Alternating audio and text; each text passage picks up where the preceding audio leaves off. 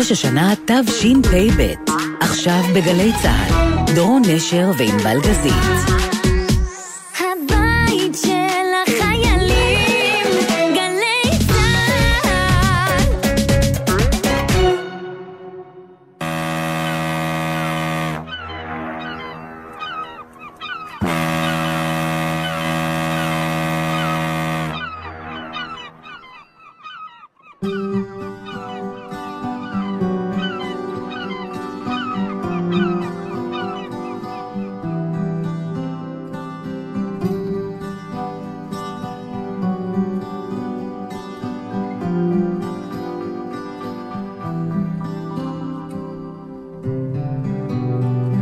לא, זה מדהים. אני מגשימה חלום ואני צריכה לפתוח את התוכנית. ברור, שנה טובה, דורון נשר. שנה טובה.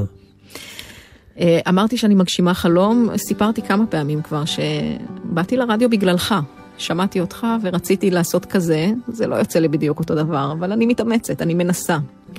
ומירון ששון, העורך שלנו, הציע הגשה משותפת, אולי זה יעזור לי להתקרב למטרה. לגמרי.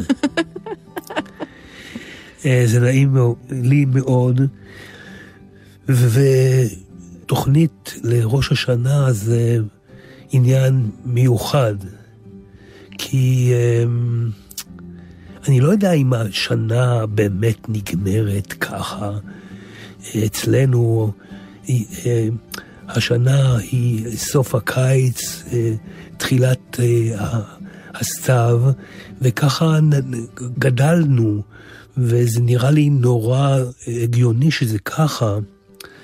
אה, בשעה שהנוצרים אה, חוגגים את התחילה של השנה באמצע החורף, ולא מפריע להם שזה ככה. זאת אומרת, אצלנו החגל, החקלאים, אצלנו התחושה ה- הפסיכולוגית ש, שמשהו נגמר. אמ, ואני, בבסיס שלי, אני בן אדם אופטימי. ואני חושב שיש משמעות לככה שאנחנו רוצים לפ- לפתוח דף חדש. ו- ויש, ישר זה מתקשר לי לחולצות לבנות, ולא רק זה, אני בתקופה שלפני החג הזה, אמ, אז הרגליים שלי ממריאות. רק, לפני ראש השנה. הרגליים שלי ממריאות לאט, כאילו... ו... וזה טוב שאנחנו יכולים להגיד על, על השנה שעברה פוס ולפתוח דף חדש. להגיד לה תודה רבה, אבל אתה אומר הרגליים ממריאות, ואמרת רק בראש השנה, חגים אחרים לא מייצרים איזו תחושת חגיגיות? אם הייתי צריך אה, לבחור שני חגים, ו, ו, ו, אז הייתי בוחר דווקא בראש השנה, וגם, אני אגיד לך משהו, ויום כיפור. זה שני החגים שבלעדיהם הם, השנה שלי לא, לא נחשבת. כל- השאר אני, אני מסתדר מצוין בלעדיהם, הם, אבל זה רק עניין אישי. אתה לא כופה את זה על אחרים. מעניין. אה, אני לא כל כך מכירה את החוויה הזו של הרגליים המתרוממות בגלל המועד בלוח השנה. יש לי יחסים מורכבים עם אה, חגי תשרי, שמצד אחד אני מאוד מאוד אוהבת, וזו התקופה, גם הזכרת את החקלאות, אולי כי אני מעמק יזרעאל, אין, סתיו זה התקופה הטובה ביותר. זה מזג האוויר הטוב ביותר, אלה הפריחות אה, הצנועות יותר. אין לך את כל הצבעים המטורפים של האביב, משהו עדין, אבל... אה, משהו בגלל- שנפתח. כן. ואני חושבת אבל שבגלל זה, התחושה הזו שדיברת עליה, עם, אה, אה, שוב, אצלי זה לא ברגליים, זה בלב, היא קשורה גם לגיאוגרפיה. אני כ- כרווקה, אני עדיין חוגגת עם אימא את אה, ראש השנה, מה שאומר שאני חוזרת לעמק, וכשאתה יורד מכביש החוף בפורדיס, ככה לכיוון הכניסה אל המזרח, משהו בלב שלי נפתח פיזית. אני מרגישה שאני נושמת נשימות גדולות יותר. וזה מתחזק בסתיו, מן הסתם, בחגי תשרי. כן. אז מה, מה אנחנו נעשה אמ, בתוכנית שלנו היום? אתה רצית ובצדק אה, לדבר עם אנשים שלא שומעים אותם בדרך כלל. אמרנו שאלו יהיו גלויות שנה טובה מרחבי הארץ, אה, עם סיפורים, אני יכולה להגיד אופטימיים, כן. אופטימיים, אבל הם, קרה להם משהו, הם, קרה להם משהו אה, טראומטי, והם בכל זאת פותחים דף חדש. הסתדרנו יפה עם התמה של הפתיחה והתוכנית, איכשהו הכל מסתדר יפה. נכון, אה, השירים שבחרנו לאורך התוכנית הזו הם בטעמנו. נכון. אני חושב שזה, שאנחנו אמ, נפרדים מכל מיני יוצרים, ואז אה, בראש השנה אנחנו אמ, נגיד להם שלום, ו- ונשמע אותם לכבוד השנה שעברה. אז אה, ליאור ייני, שיר הכרם. נכון.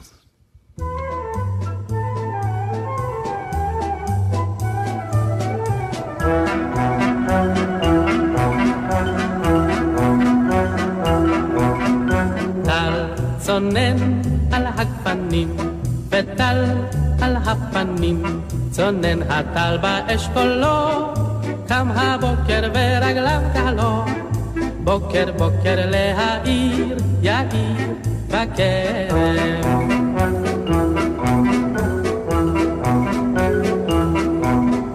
אור עולה על ההרים, ואור על הבוצרים, עולה האור מערפילים, שיר לגפן ירוקת עלים. גפן גפן להלל, הלל בכרם.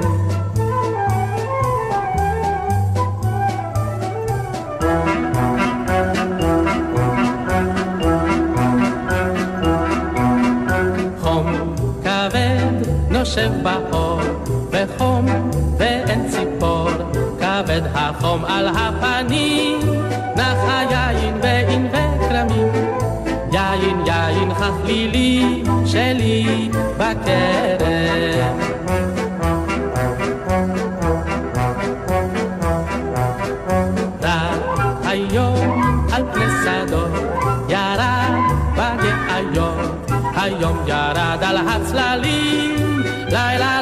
שועלים קטנים, עד הבוקר כוכבים קווים בכרם.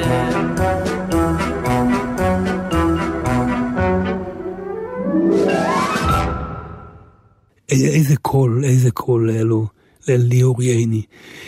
קול אחר, גם בתקופה שלו, הוא שר אחרת, אפילו מהתרנגולים, הוא שר אחרת. זה כל כך אה, קורע לב. זה נכון, זה נכון. ואיזה יופי שאנחנו שנינו אוהבים את אותם שירים. אה, אוקיי. אנחנו נאתגר אה, בתוכנית הזאת מעט את עצמנו ואת המאזינות והמאזינים, כי אנחנו לא נעשה פתיח רגיל. אני רוצה להגיד שלום לשי שניידר אילת, בת 42, מיישוב קהילתי בארץ. שלום. שלום, שלום, שלום וברכה. שלום. והגדרנו. כאן אה, אה, פתיחת דף חדש כנושא המרכזי של התוכנית הזו. אה, אצלך יש כזה דבר. אה, כן, יש כזה דבר, אה, בהחלט. אה, אף על פי שככה בנטייה הטבעית שלי יש לי אה, אה, אה, נטייה אולי להתרחק ככה מ... מ אה, אה, באופן אה, מכונן על איזשהו אה, אה, כזה רגע של, אה, ש, שאליו מתנקזת אה, פתיחה חדשה וכולי, אבל, אה, אבל אה, כן, אפשר אה, לתת את הכותרת הזו לנקודה שאני נמצאת בה.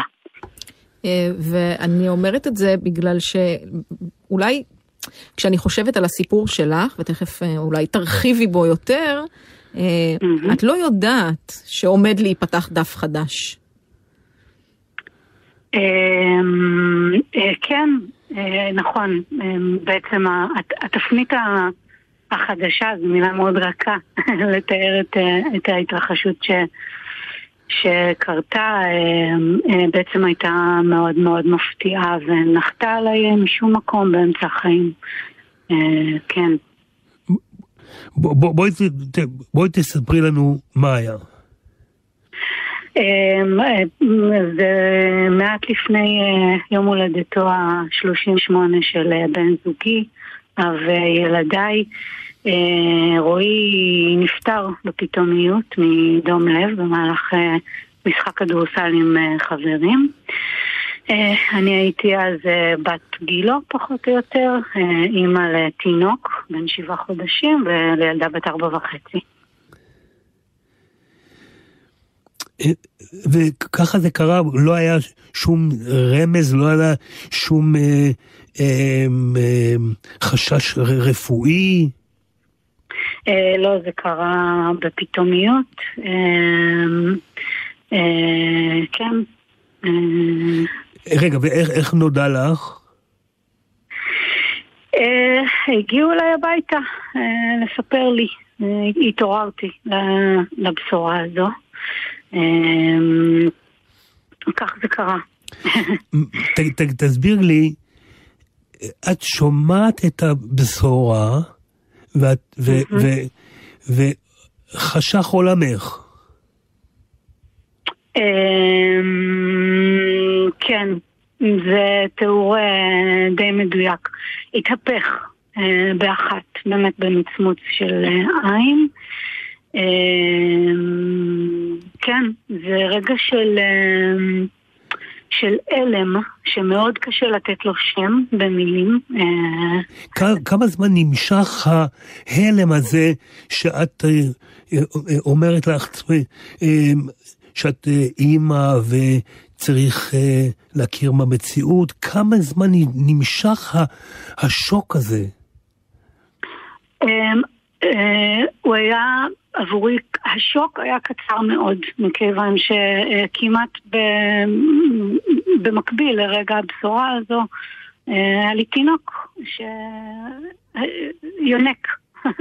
אה, אני ממש זוכרת את עצמי מנגבת דמעות ושואלת מה, מה צריך לעשות עכשיו. אה, אז אה, אה, כן,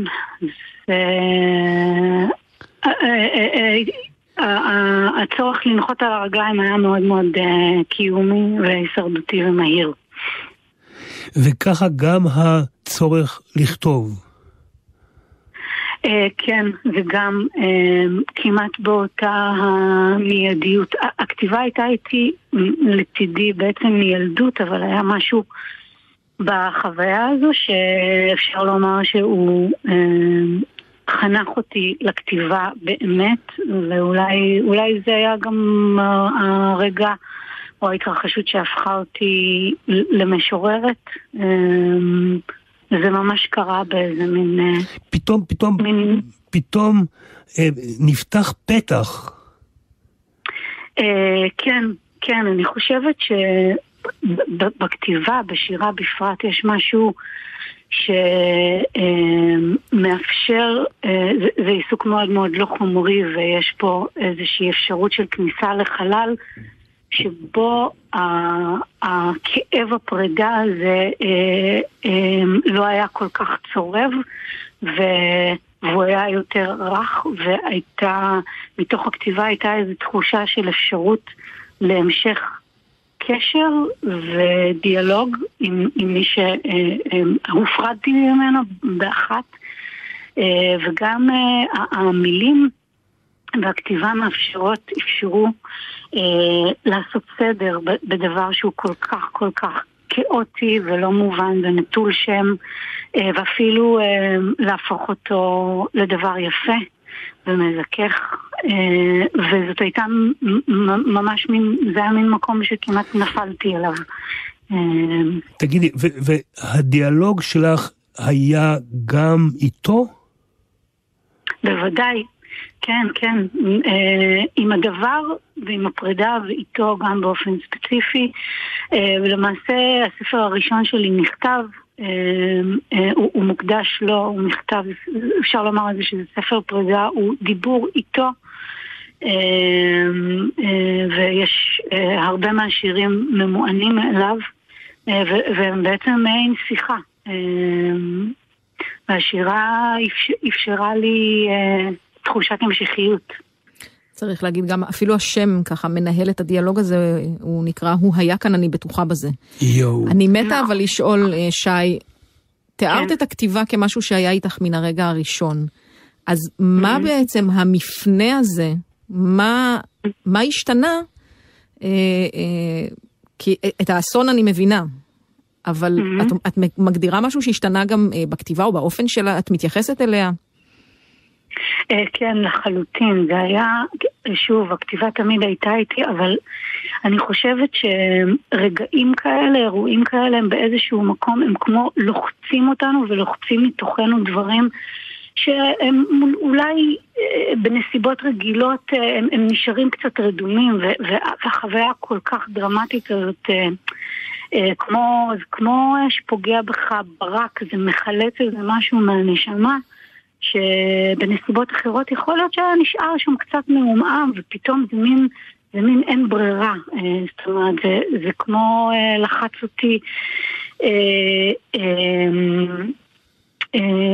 לעמוד מול הדבר הזה במלואו ולקרוא לו בשם ו- ו- ו- ולהגיד מה זה ולנסות להגדיר אותו ו- זה ממש היה משהו קיומי.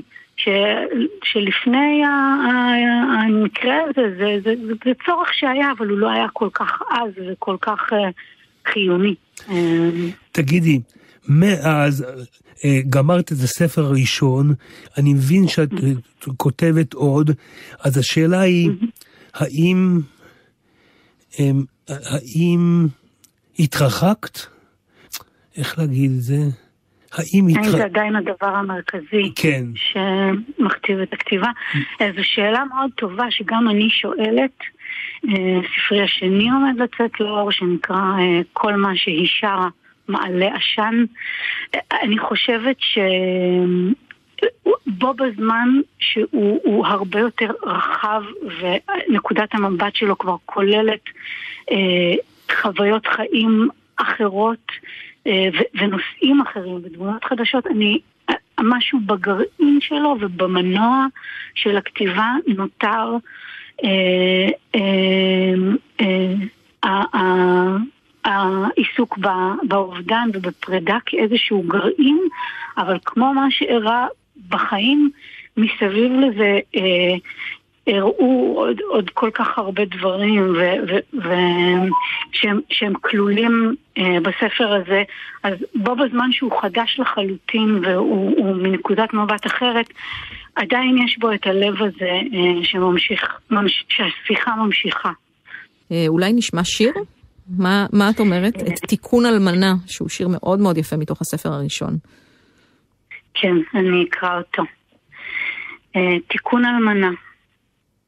אני קוראת מניין אל השיר, לקרוא עליי קריאה, זו לשונה.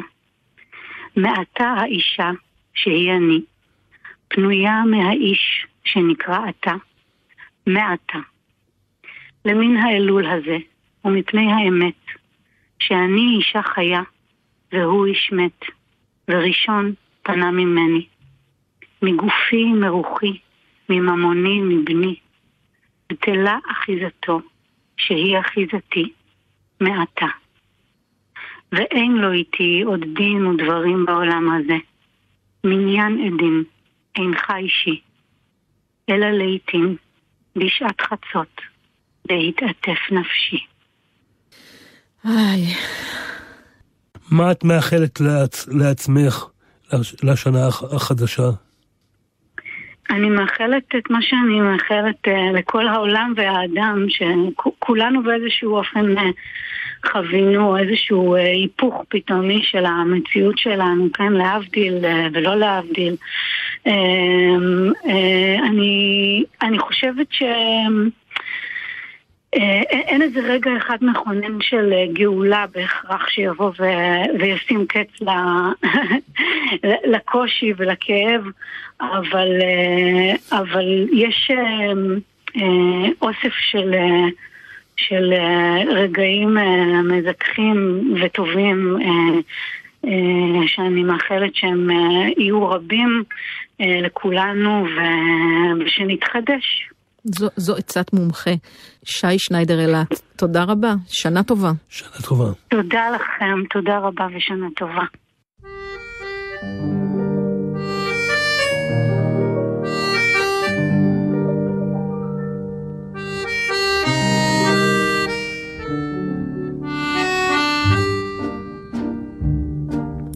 כל אורלוגין קורא חצות, בפונדקים דועך הנר,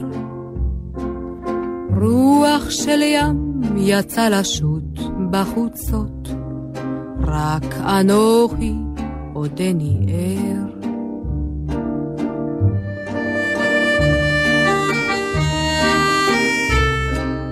רק אנוכי עודני ער.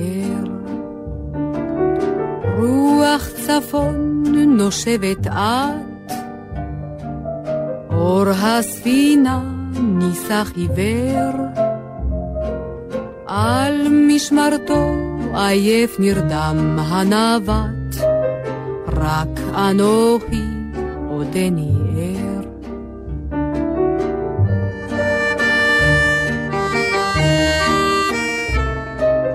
רק אנוכי עודני ער. עדי סיפון הים עלה, תורן נופץ בגל סוער, וספינתי ירדה אל תוך המצולה, רק אנוכי עודני ער.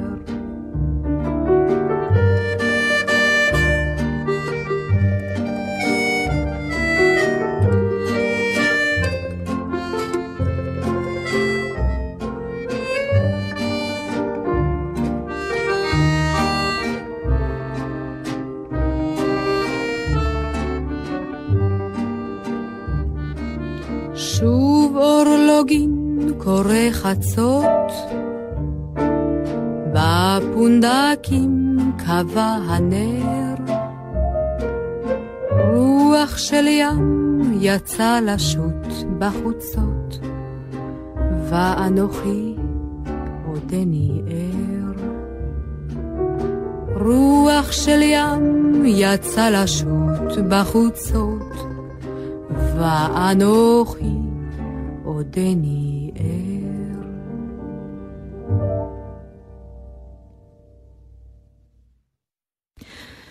זו הייתה ריקה זרעי. בטח, אמ, זה לא רק זה, כל, כל אורלוגין גם זה משהו ש, ש, שאף אחד לא יודע מה זה.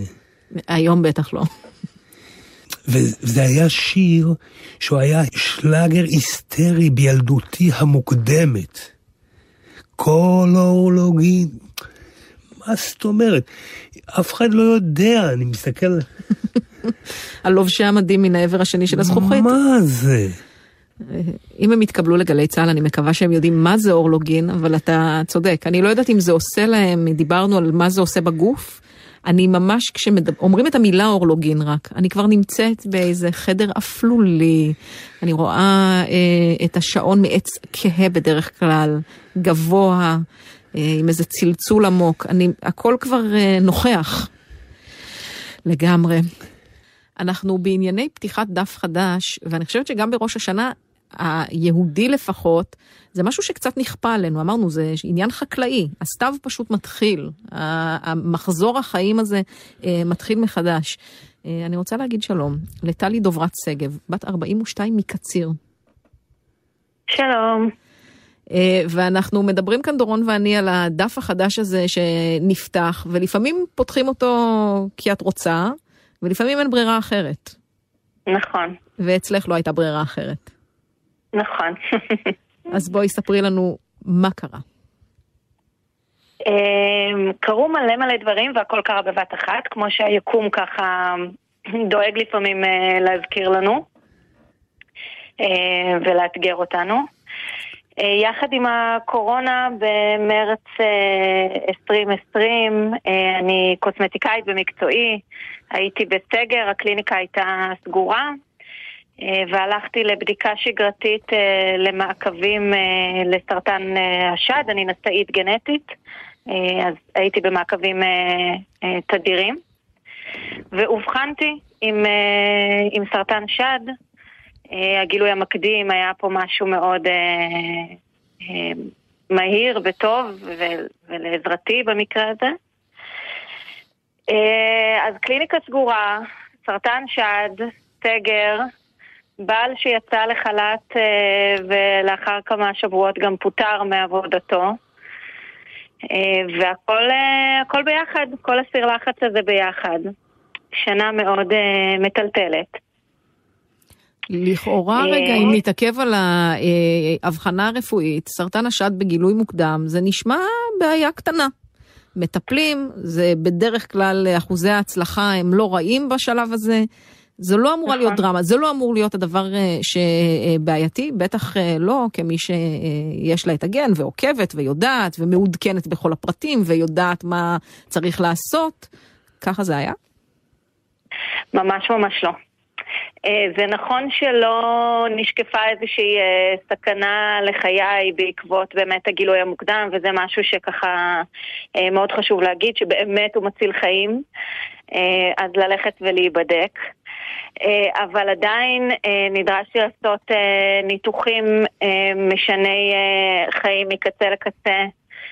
נדרשתי לטיפולים כימותרפיים שהופכים את כל, את כל מה שחשבתי שהוא, שהוא נכון הופכים ללא נכון, ואת כל מה שחשבתי שלטובתי הופכו ללא לטובתי. אה, זה ממש צובע את הכל הכל בשחור, והשיקום אחר כך, גם התהליך של ההחלמה אחר כך, הוא, הוא מאוד מאוד אה, מאוד קשה. זה בעצם להתחיל את הכל די מאפס. אנחנו ככה חושבים אה, על מה שאת אומרת, ואחד הדברים שגם חשבתי עליו אה, תוך כדי, אה, זה על היום, אני מבינה שעכשיו את בריאה. עכשיו אני בריאה, כן. ואני חושבת על היום שבו את מקבלת את הבשורה הזו, שבאה הרופאה ואומרת, את נקייה מסרטן, צאי לדרך, הכל בסדר. זה אמור להיות יום שמח, לא? זה אמור להיות יום שמח, והוא באמת יום שמח אה, מבחינת, ה, מבחינת הסרטן וההחלמה, ו, ואולי גם לסביבה ולסובבים. אה, עבור, עבורי ועבור גם מחלימים אחרים שאני ככה בקשר איתם, אה, זה יום שהתהליך בעצם אה, רק מתחיל. כי במחלה עצמה אה, יש פרוטוקולים מאוד מאוד ברורים ויש תהליך שצריך לעבור והכל מאוד מתוקתק ומסודר ו... ויש גם איזושהי מעטפת, לפחות ביישוב גם ש, שאני גרתי, שאני גרה בו, אז הקהילה מאוד עוטפת והמשפחה מאוד עוטפת והחברים, אבל יש אה, איזושהי מין התמסמסות כזאת אחר כך אה, של אוקיי, את החלמת, אז היידה, כאילו בואי, עבודה, אה, בית, קדימה, אה, השיער מתחיל לצמוח. הם לא המשקל צודקים? חוזר חזרה. בדיוק, זהו, נגמר, נגמרה הבעיה, אה, יאללה, חזרה לשגרה. אז זהו, ש... שלא, כי הנפש באמת מאוד, מאוד פצועה. והגוף אה, לא כתמול שלשום, ו... ועברתי שני ניתוחים שהם מאוד גדולים ב... בפיזיות שלהם ובתופעות לוואי שלהם אה, לאחר מכן, אה, שבאמת ככה בזמן הטיפולים אפשר היה להבדיל אה, מתופעת לוואי אחת לשנייה, ממה היא נובעת. אה, ופתאום זה נהיה אה, בשגרה, ביומיום, גם כשכביכול אמורים להרגיש יותר טוב, אז עדיין כואב, ועדיין אני חלשה, והציפייה ככה מהסביבה היא... יש לנו מין נטייה כזאת ישראלית לעבור לדבר הבא, ל-next episode, אה, וזה לא ככה, לא ככה בתהליך ההחלמה. אני רוצה לשאול אותך משהו אחר. כי כשאני שומע אותך, אני רואה בן אדם שהאויב שלו בגוף שלך. אתה, אתה נלחם בעצמך. נכון. וזה, וזה נורא מוזר. אתה מחוץ לגוף שלך, והגוף שלך בוגד, והוא משדר אותות וסימנים, ואתה לא יודע מה לעשות איתו. אתה צודק, אה, באמת יש תחושה מאוד מאוד גדולה של, אה, של בגידה. אני לפחות, כשאני גיליתי את, ה, את הסרטן, את הגוש אה, בשד, הייתי מבחינתי בתקופה הנהדרת והבריאה בחיי. העסק היה כבר יציב ומתגלגל מעצמו. אני בדיוק סיימתי אימון בזום, כי היינו בסגר, אבל סיימתי אימון אירובי בזום. והטלפון מהרופאה צלצל, ובאמת שעם כל זה שאני נשאית גנטית, ואני כן חייתי את השבע שנים שאני יודעת על הנשאות, חייתי בתחושה שזה זה מעבר לפינה, חיכיתי באיזשהו מקום לרגע הזה, אני אומרת את זה בצורה מאוד גלויה, אני לא חושבת שזה איזושהי מחשבה מייצרת מציאות, אבל, אבל ידעתי שהרגע יגיע. אה, אימא שלי חלתה פעמיים והחלימה. אה, וגם היא נשאית גנטית, והיה לי ברור שאני, שאני אפגוש אותו, ועדיין הרגשתי מאוד מאוד נבגדת. נבגדת מהגוף שלי, ש, שכל כך דאגתי לו ככה. ב, ב, בתקופה הזו, הזנתי אותו והתאמנתי, ו, ו, והייתי באמת מבחינתי בשיאי. והגוף בשלו. והגוף בשלו, הגוף בשלו, וגם כשיש רקע גנטי, אז גם אין לי את מה, יותר מדי את מה להאשים. זה לא היה איזשהו סטרס או משהו שעשיתי שגרם לזה. זה גן, וזה פשוט קרה. ופה הנקודה הכי קשה לי בעצם בתהליך, אה, בתהליך ההחלמה, להחזיר את האמון בגוף שלי, באינטואיציות שלי, שהיו מאוד חדות, כך חשבתי עד לאותו רגע שגיליתי שכנראה שלא. ובכלל, בעולם, בסדר הנכון של הדברים, ודברים קורים לטובתי העליונה, אני עוד מחכה לראות מהי טובתי פה בכל ה... כן, רגע, רגע, רגע. אני, אני רוצה להגיד לך משהו, שגם em, כשאת אומרת שאת, שאת עברית, ואז החברה הישראלית אה, קוראת לך, אה, די, אז אה, תצאי לעבודה וזה וזה, כאילו הם, הם לא רוצים ש... הם לא רוצים לתת מקום ל... ל לנכות הזאתי, ואת, ואת, ואת קשובה לנכות ש, ש, ש, שאת יודעת שהיא מדברת אלייך, ב, ואת צריכה להיות, להיות קשובה לנכות של הגוף. כן. כן, זה, זה דיסוננס מאוד, אה, מאוד גדול בין גם הטלי שאני הייתי ושאני רגילה להיות, אה, מתקתקת ויוזמת ועושה ומניעה, והקצב עכשיו הוא אחר. זו התרגלות אחרת, זו התרגלות אחרת עבורי, התרג- התרגלות אחרת לבעלי ולילדים שלי. אמ, זה, זה, זה הקושי המאוד מאוד גדול ב, בהחלמה, שהוא הפער הזה, הפער הזה נכון. שנוצר בין, בין מי שהייתי לבין מי שאני עכשיו, וה, ועל קבלה. הבנתי, הבנתי, וואי, וואי, וואי. זה... אז מה אנחנו נאחל לך לשנה החדשה? שגרה יציבה, 365 ימים בריאים, אה, עם לימודים סדירים לילדים, ו... ובריאות, בריאות, באמת, כי באמת שכמה שקלישאתי שזה יש- יישמע, אה, בלי זה אנחנו קצת אה, אבודים, בלי הבריאות שלנו. אני חושבת שכולנו חותמים על האיחול הזה. כולנו היינו רוצים. טלי דוברת שגב, תודה רבה. שנה טובה. תודה לכם. שנה טובה. שנה טובה.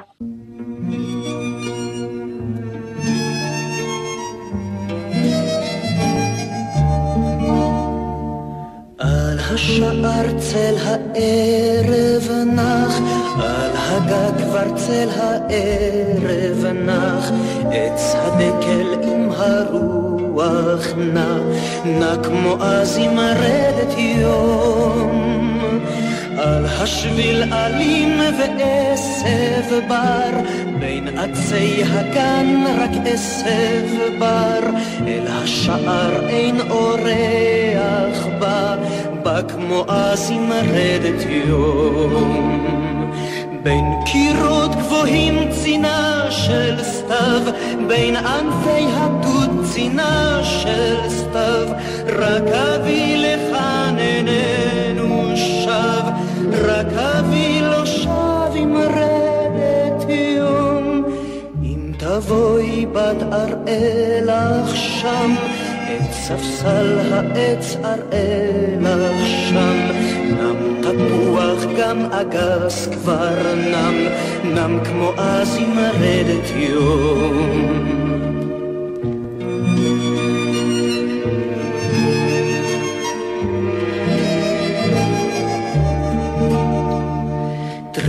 חדרי סגור ואיש לא גר, אור אינו נראה כי איש לא גר, גם אמי אינה רוקמת כבר, כך כמו אז עם רדת יום.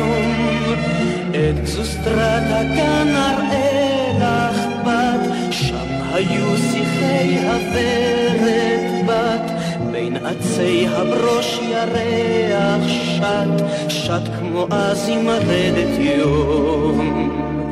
בין קירות גבוהים צינה של סתיו, בין ענפי התות צינה של סתיו, כי אבי לכאן איננו שב, כי אבי לא שב עם רדת יום. על השער צל הערב נח, הגג כבר צל הערב נח, עץ הדקל עם הרוח נע, נע כמו אז עם רדת יום. נע כמו אז עם רדת יום.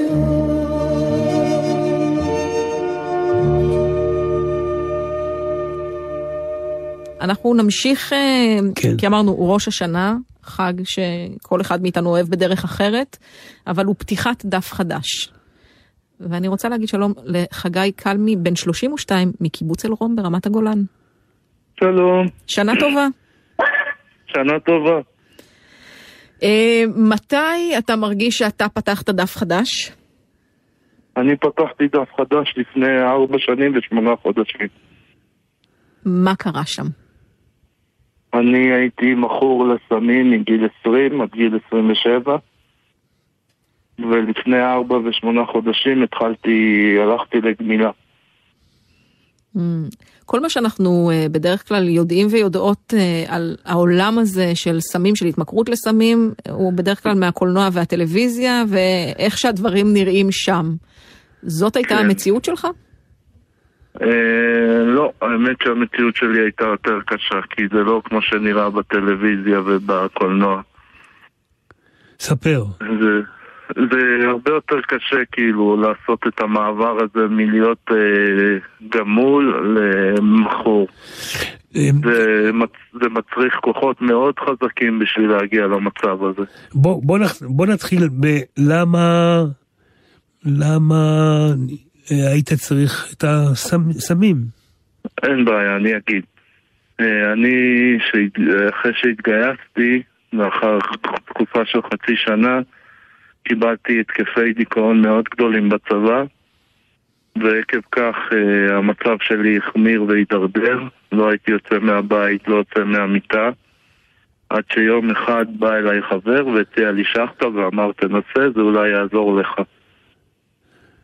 רגע, זה, ומי- זה, רגע זה, זה קשור לתפקיד שהיה לך? או... לא, זה פשוט, כן, זה גם קשור, כי פשוט לא הייתי, הייתי שקמיסט, אז אה, הרבה, אז הרבה דברים כאילו רצו לי בראש באותה תקופה.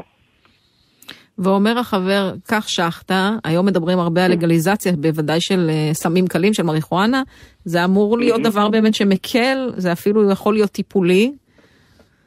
כן. ומשם לאן ואני, זה?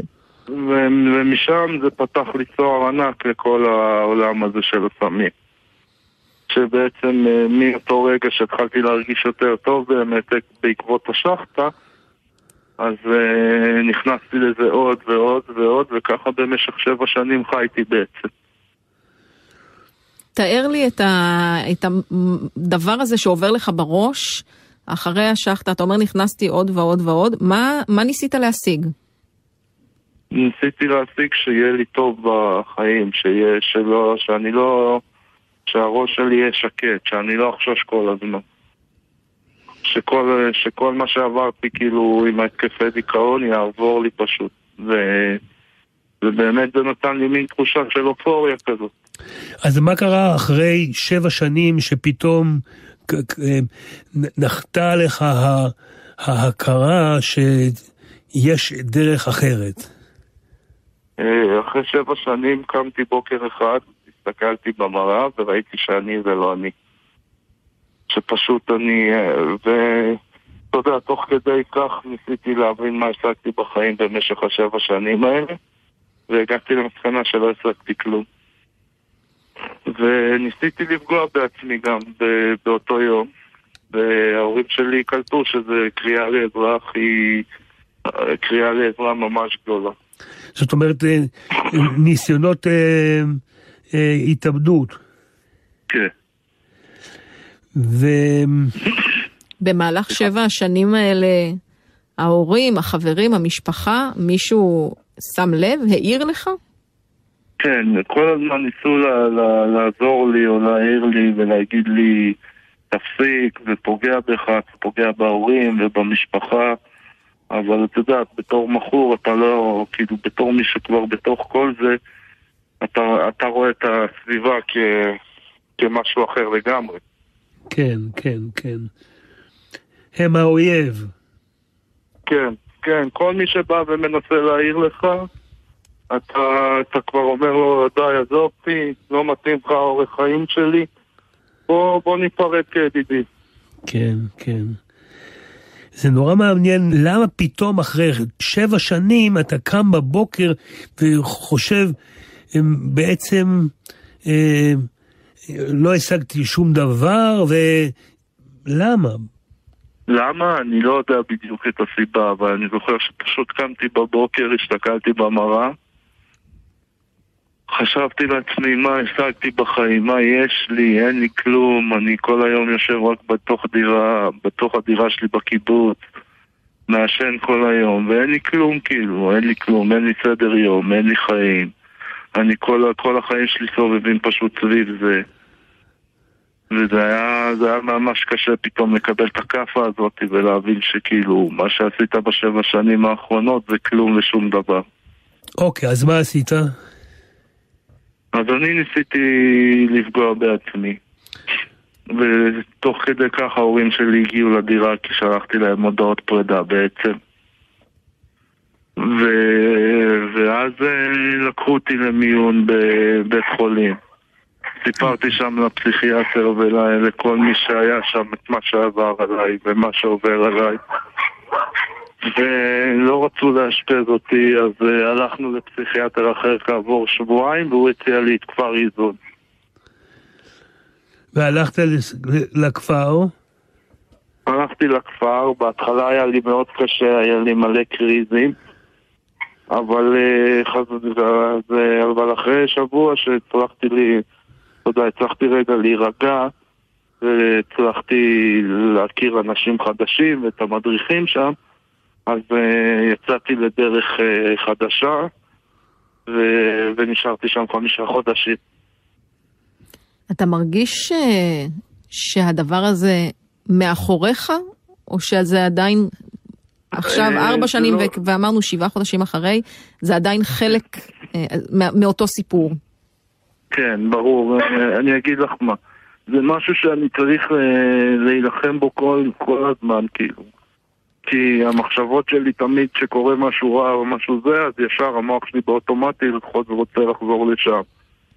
ואני נלחם פשוט במוח שלי ואומר לו שאני לא צריך את זה, אני לא צריך את זה, זה סתם, זה סתם, זה סתם מחשבות. ואני נלחם באמת יום-יום ל- להימנע מזה. ואני מצליח. אני מבינה שאתה רוצה לספר גם מהחוויה שלך לאחרים שנמצאים במצב הזה. כן, אה, מה שרציתי להגיד לאנשים שאפשר לצאת מזה, כי אני ידעתי שברגע שנתתי את עצמי בכפר לעזרה, אז ישר חזר אליי העזרה כפול שתיים, והרגשתי פשוט שבאמת אני, אני מקבל עזרה, ואני רואה שאנשים אה, אוהבים אותי ונלחמים עליי, ככה שאני באמת רוצה להגיד לאנשים שזה יכול לקרות לכולם, אבל השאלה איך אנחנו יוצאים מזה. ואפשר לצאת מזה, אני, אני הדוגמה החיה לזה. ומה אתה עושה היום? היום אני עובד ב- בסופר בקריית שמונה, כן. אה, וזהו, חי את החיים. ואתה. מסת... ואתה מסתכל אה, לימינך ומשמאלך ואתה רואה ש... שהחיים הם לא רעים. בדיוק, כן. אני הצלחתי להגיע למצב שהחיים לא רעים ושאפשר לחיות אותם גם בלי משנה תודעה או סמים קלים, כאילו.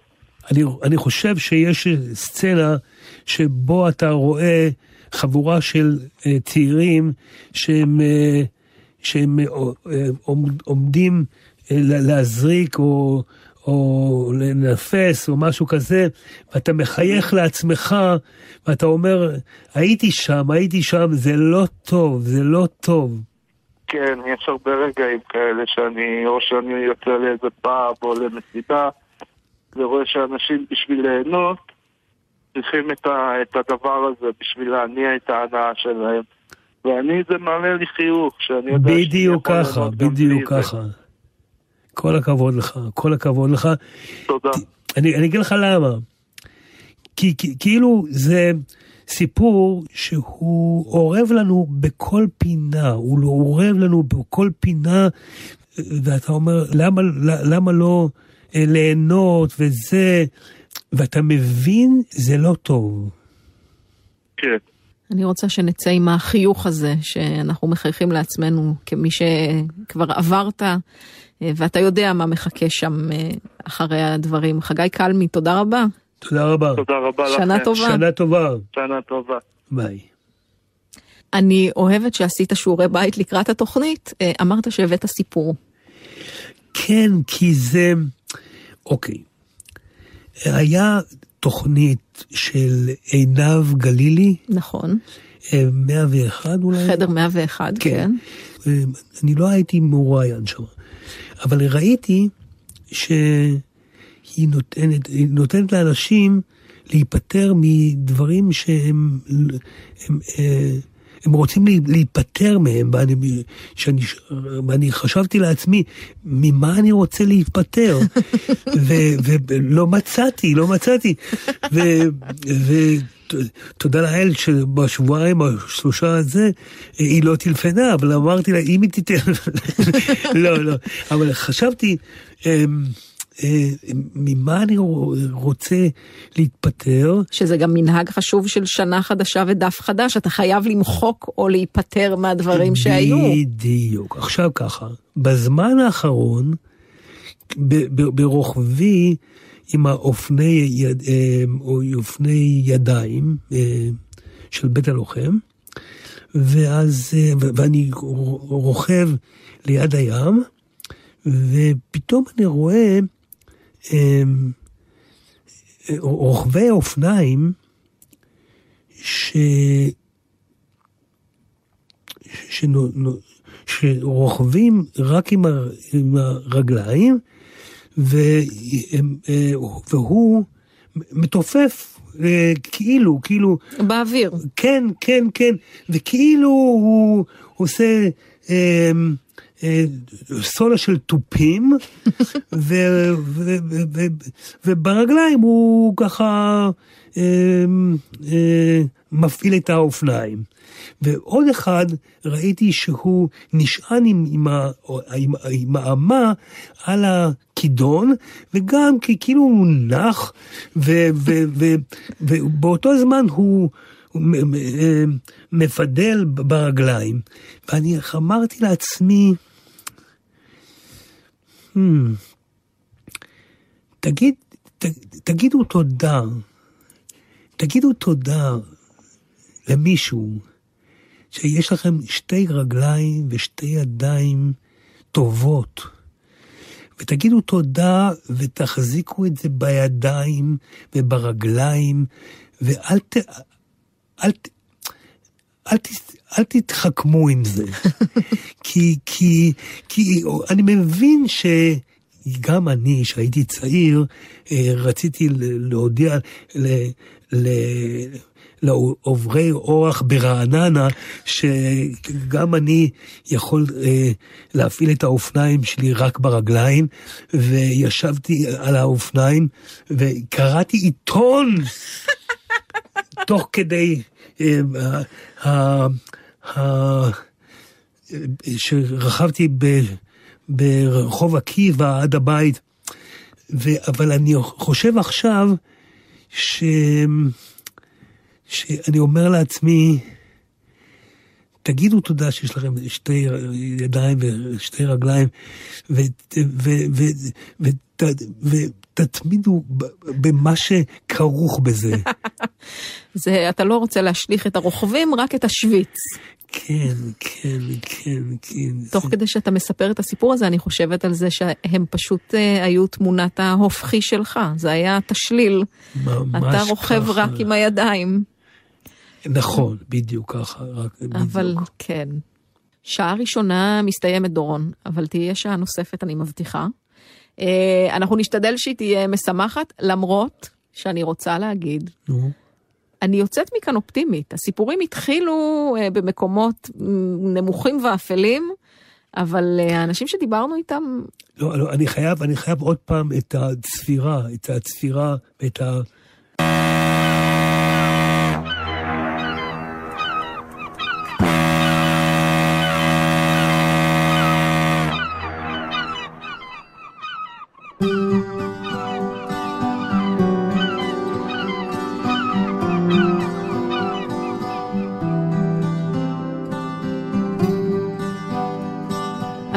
בשבילך, גם את הצפירה וגם את השכפים, כן, כן, אנחנו כן. נצא איתם אה, אה, במסע אל החדשות.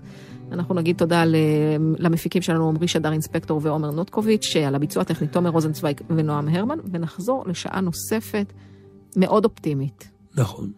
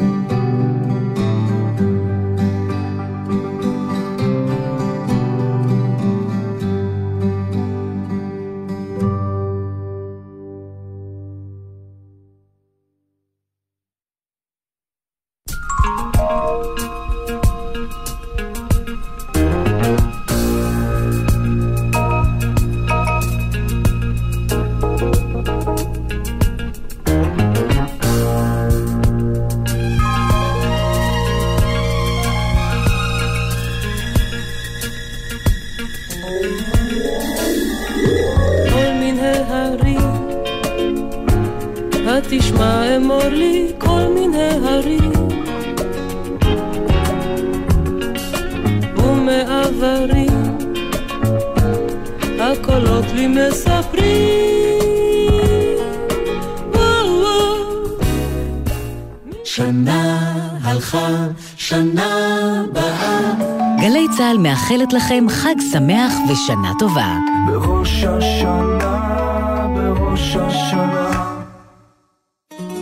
זה באמת להיות ישראלי? דינה זילבר במסע לתוך הישראליות עם דמויות מפתח בחברה, בספרות ובתרבות. והשבוע, דובי אייכנוולד. אני חי את הגאולה, אנחנו 70 שנה בסך הכל ממה שמאז. אני חי את חזון זכריה עוד ביום יום שלי, אני עסוק בעבודה תרבותית, אני ממשיך להנציח את השואה. מילים ומשפטים עם דינה זילבר, חמישי, שמונה בערב, גלי צה"ל.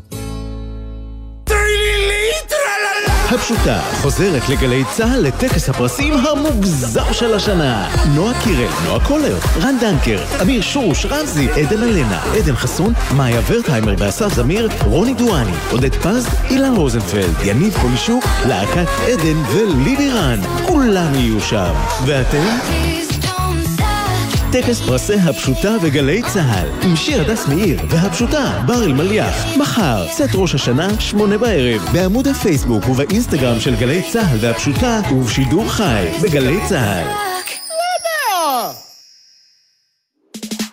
ראש השנה תשפ"ב.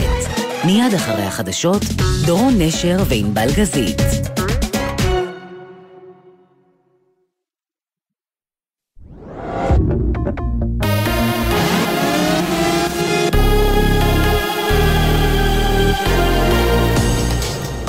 גלי צה"ל השעה שתיים, צהריים טובים וחג שמח, באולפן גל אשד עם מה שקורה עכשיו.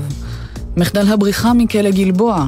גם בשעה זו נמשכים מאמצי כוחות הביטחון לאתר את ששת המחבלים שנמלטו מהכלא. בשעות האחרונות פרוסים כ-90 מחסומים באזור בקעת הירדן וברחבי יהודה ושומרון, ולמעלה מ-700 ניידות משטרה מוצבות ברחבי הארץ. משעות הבוקר מתחזקת הערכה כי לפחות חלק מהאסירים יצאו את גבולות הקו הירוק מאז הבריחה.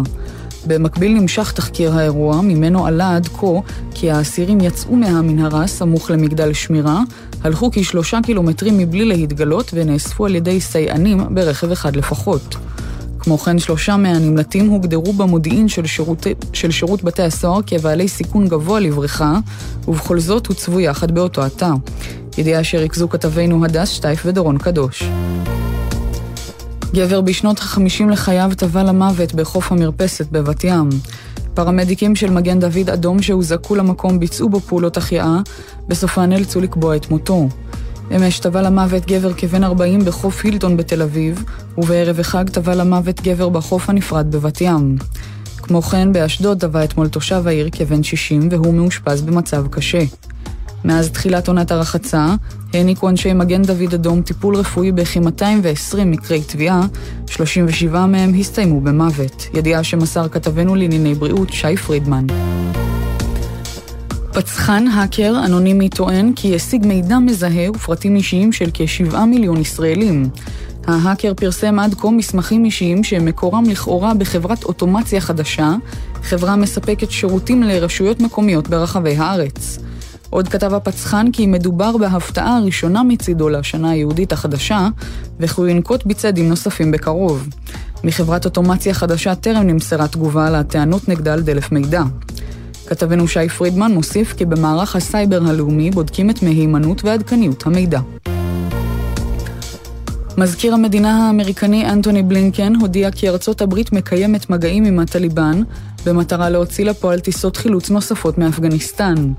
על פי הערכות מחלקת המדינה נותרו עוד כמה מאות אמריקנים ובעלי ברית אשר טרם עזבו את אפגניסטן מאז נכבשה בידי הארגון. בתוך כך, איראן שיגרה מוקדם יותר היום מסר מאיים לטליבן, לפיו משמרות המהפכה לא יעמדו מנגד אם ייפגעו מוסלמים שיעים על אדמת אפגניסטן. פרשננו לענייני, לענייני צבא וביטחון אמיר בר שלום אוסר כי בחודש האחרון נמלטו לאיראן אלפי מוסלמים שיעים מחשש להתנכלות מצד גורמים סונים קיצוניים. ולסיום, מאות אלפי ישראלים מנצלים את החג לטיולים ברחבי הארץ. אל חופי הכנרת הגיעו עד כה למעלה מ-15 אלף בני אדם, ובאיגוד ערים כנרת נאלצו לסגור את חוף סוסיתא לכניסת מבקרים עקב העומס. עומסים נרשמים גם ברבים מנחלי הצפון, ידיעה שמסר כתבנו הדר גיציס. מזג האוויר מעונן חלקית עם טמפרטורות רגילות לעונה. לכל מאזיננו שנה טובה, אלה החדשות שערך יובל שגב.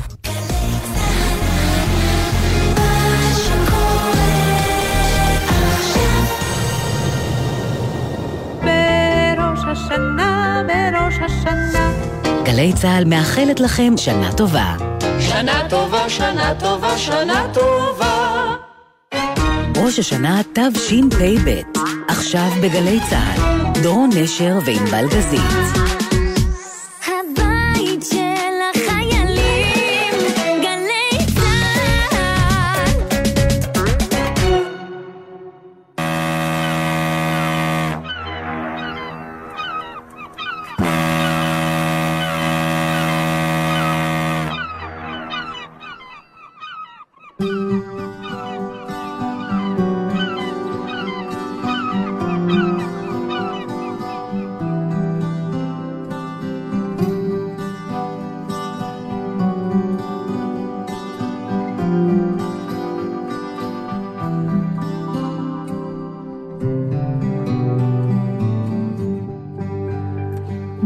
מתבקש אחרי פתיח כזה לומר שאנחנו מפליגים לאנשהו. לגמרי, לגמרי. אני גם, אני חושב שאנחנו באזור ה...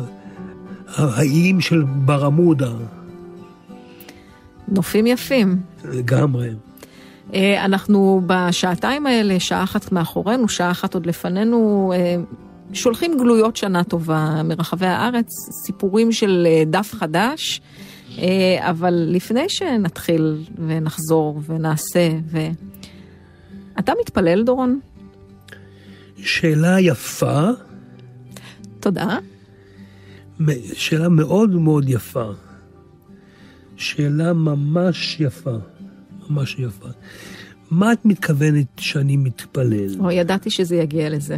לא, לא, אני לא, לא. אם את מתכוונת שהאם אני מתפלל באופן מסודר, אני פונה ככה וככה, זה לא, זה לא הקטע.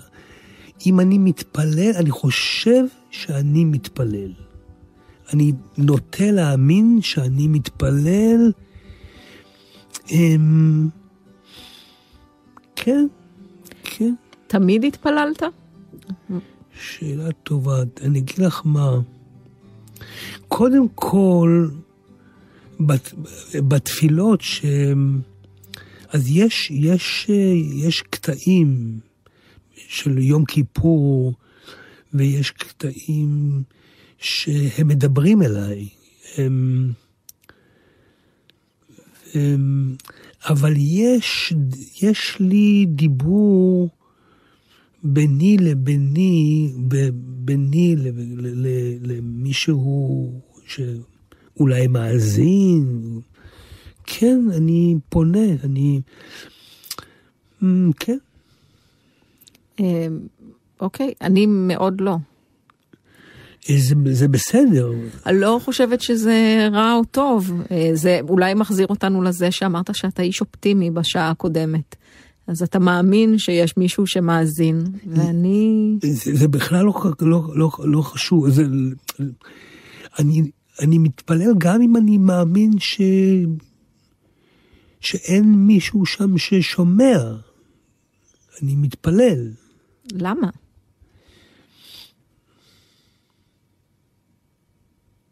כי אני מקווה. מעניין. אני... המקום היחיד שבו אני מרגישה תפילה, ואני לא עושה את זה בגלל זה אף פעם ביני לביני, זה דווקא בקהל. אני מאוד אוהבת את הרעיון של בית כנסת למשל, שבו משהו ב... ביחדנס גורם לי להאמין שיש מי ששומע.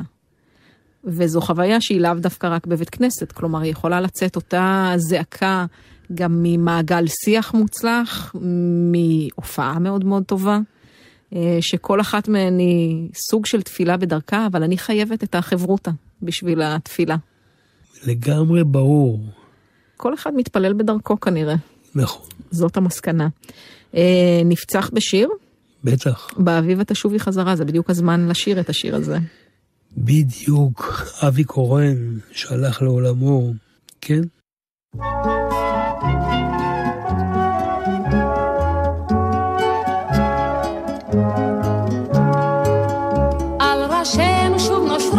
רוחות של גשם, רוח סתיו עלי זהב בכל פיזרה, שוב נמתין לשמש, נצפה ונחכה שבאביב היא תשוב בחזרה.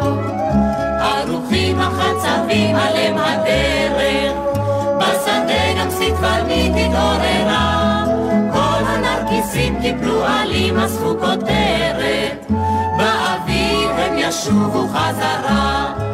לא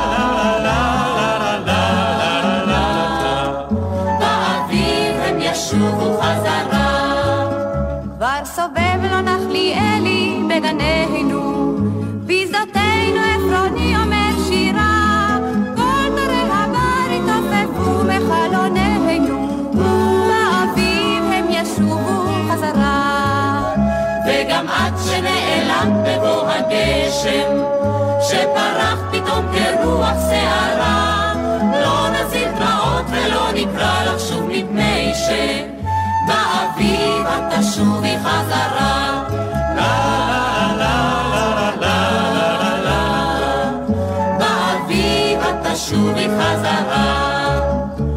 נחכה לך בחדרנו כל החורף, נחכה לך ובשמך תמיד נקרא, לא נצא אחרייך לחפש כי אין כל צורך, אין באביב את תשובי חזרה. על ראשינו שוב נושרות טיפות של גשם, רוח סתיו עלי זהב בכל פזרה.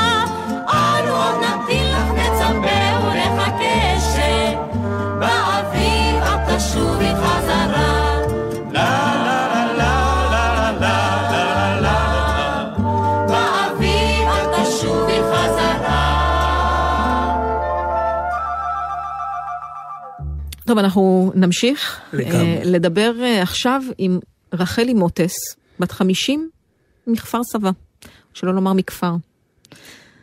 שלום רחלי. בוקר טוב. קודם כל, שנה טובה. שנה טובה מאוד. ואנחנו אה, מדברים כאן בתוכנית הזו, דורון ואני, קצת על דף חדש. אה, וגם לך יש אה, סיפור ש... או אני לא יודעת אם זה רגע, אני לאט לאט מתחילה להבין שאי אפשר לדבר אולי על רגע יחיד, שבו החיים דורשים לפתוח דף חדש.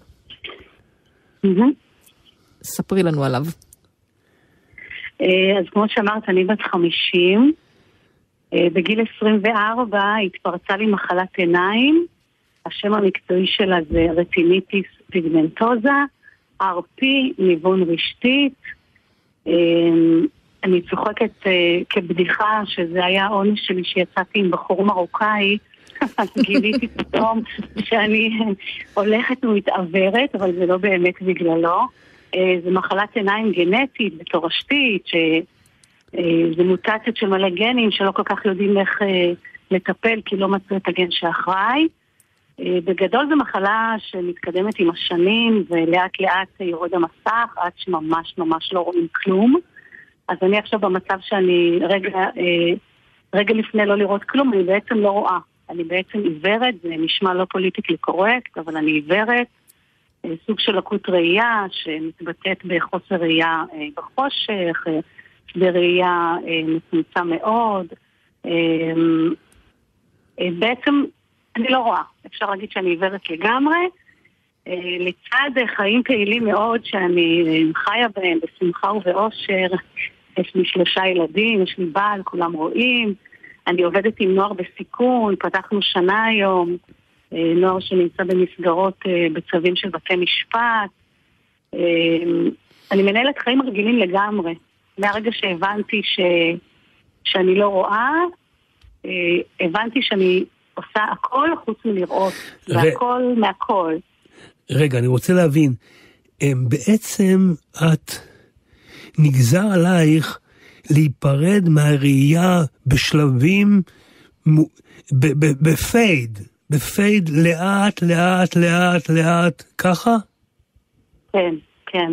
לאט לאט אה, מצד אחד, אה, כי השלבים בעיבוד ראייה הם באמת מאוד איטיים, בהתחלה עוד קצת ראיתי, אבל אה, עם הזמן התחלתי לא לראות את הילדים שלי, אני לא ראיתי מאז שהם נולדו, אה, אני לא יודעת איך הם נראים, אני לא יודעת איך בעלי נראה, אה, אני יודעת שהם נראים, אני שומעת. רגע, אבל, אבל יש משהו נורא אכזרי בפרידה הזאת, האיטית. אה, אפשר להגיד אכזרי, אפשר לראות מאוד אה, מלבלב, כי, כי כשאתה מאבד משהו באיטיות, אז יש לך יותר זמן להיפרד ממנו. נכון. יש לך יותר זמן לשחק בין ה... במנעד הזה שבין לראות ולא לראות. בלא לראות אתה יכול להרוויח הרבה דברים כמו לשמוע ולמשש ולגשש ולתאר, ואני אומרת כל הזמן שאם יש משהו שטוב שיוצא לי מתוך העיוורון הזה, יש הרבה דברים טובים שיוצאים, אבל... אה, אחד מול הילדים שלי זה שהם מאוד מאוד ורבליים. כי כל דבר קטן צריך לתאר, כל דבר קטן צריך להסביר איך זה נראה, איך משתמשים בזה, איפה המתג, הרבה מישוש, הרבה קרבה.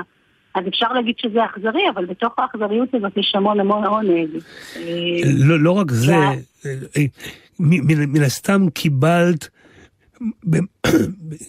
במתנה איכויות ש... שלא היית מודעת להם. נכון. הזיכרון שלי הוא מהמם. אה, השנייה שלי מצוינת, הבעיה שאני שומעת גם דברים שאני לא צריכה לשמוע.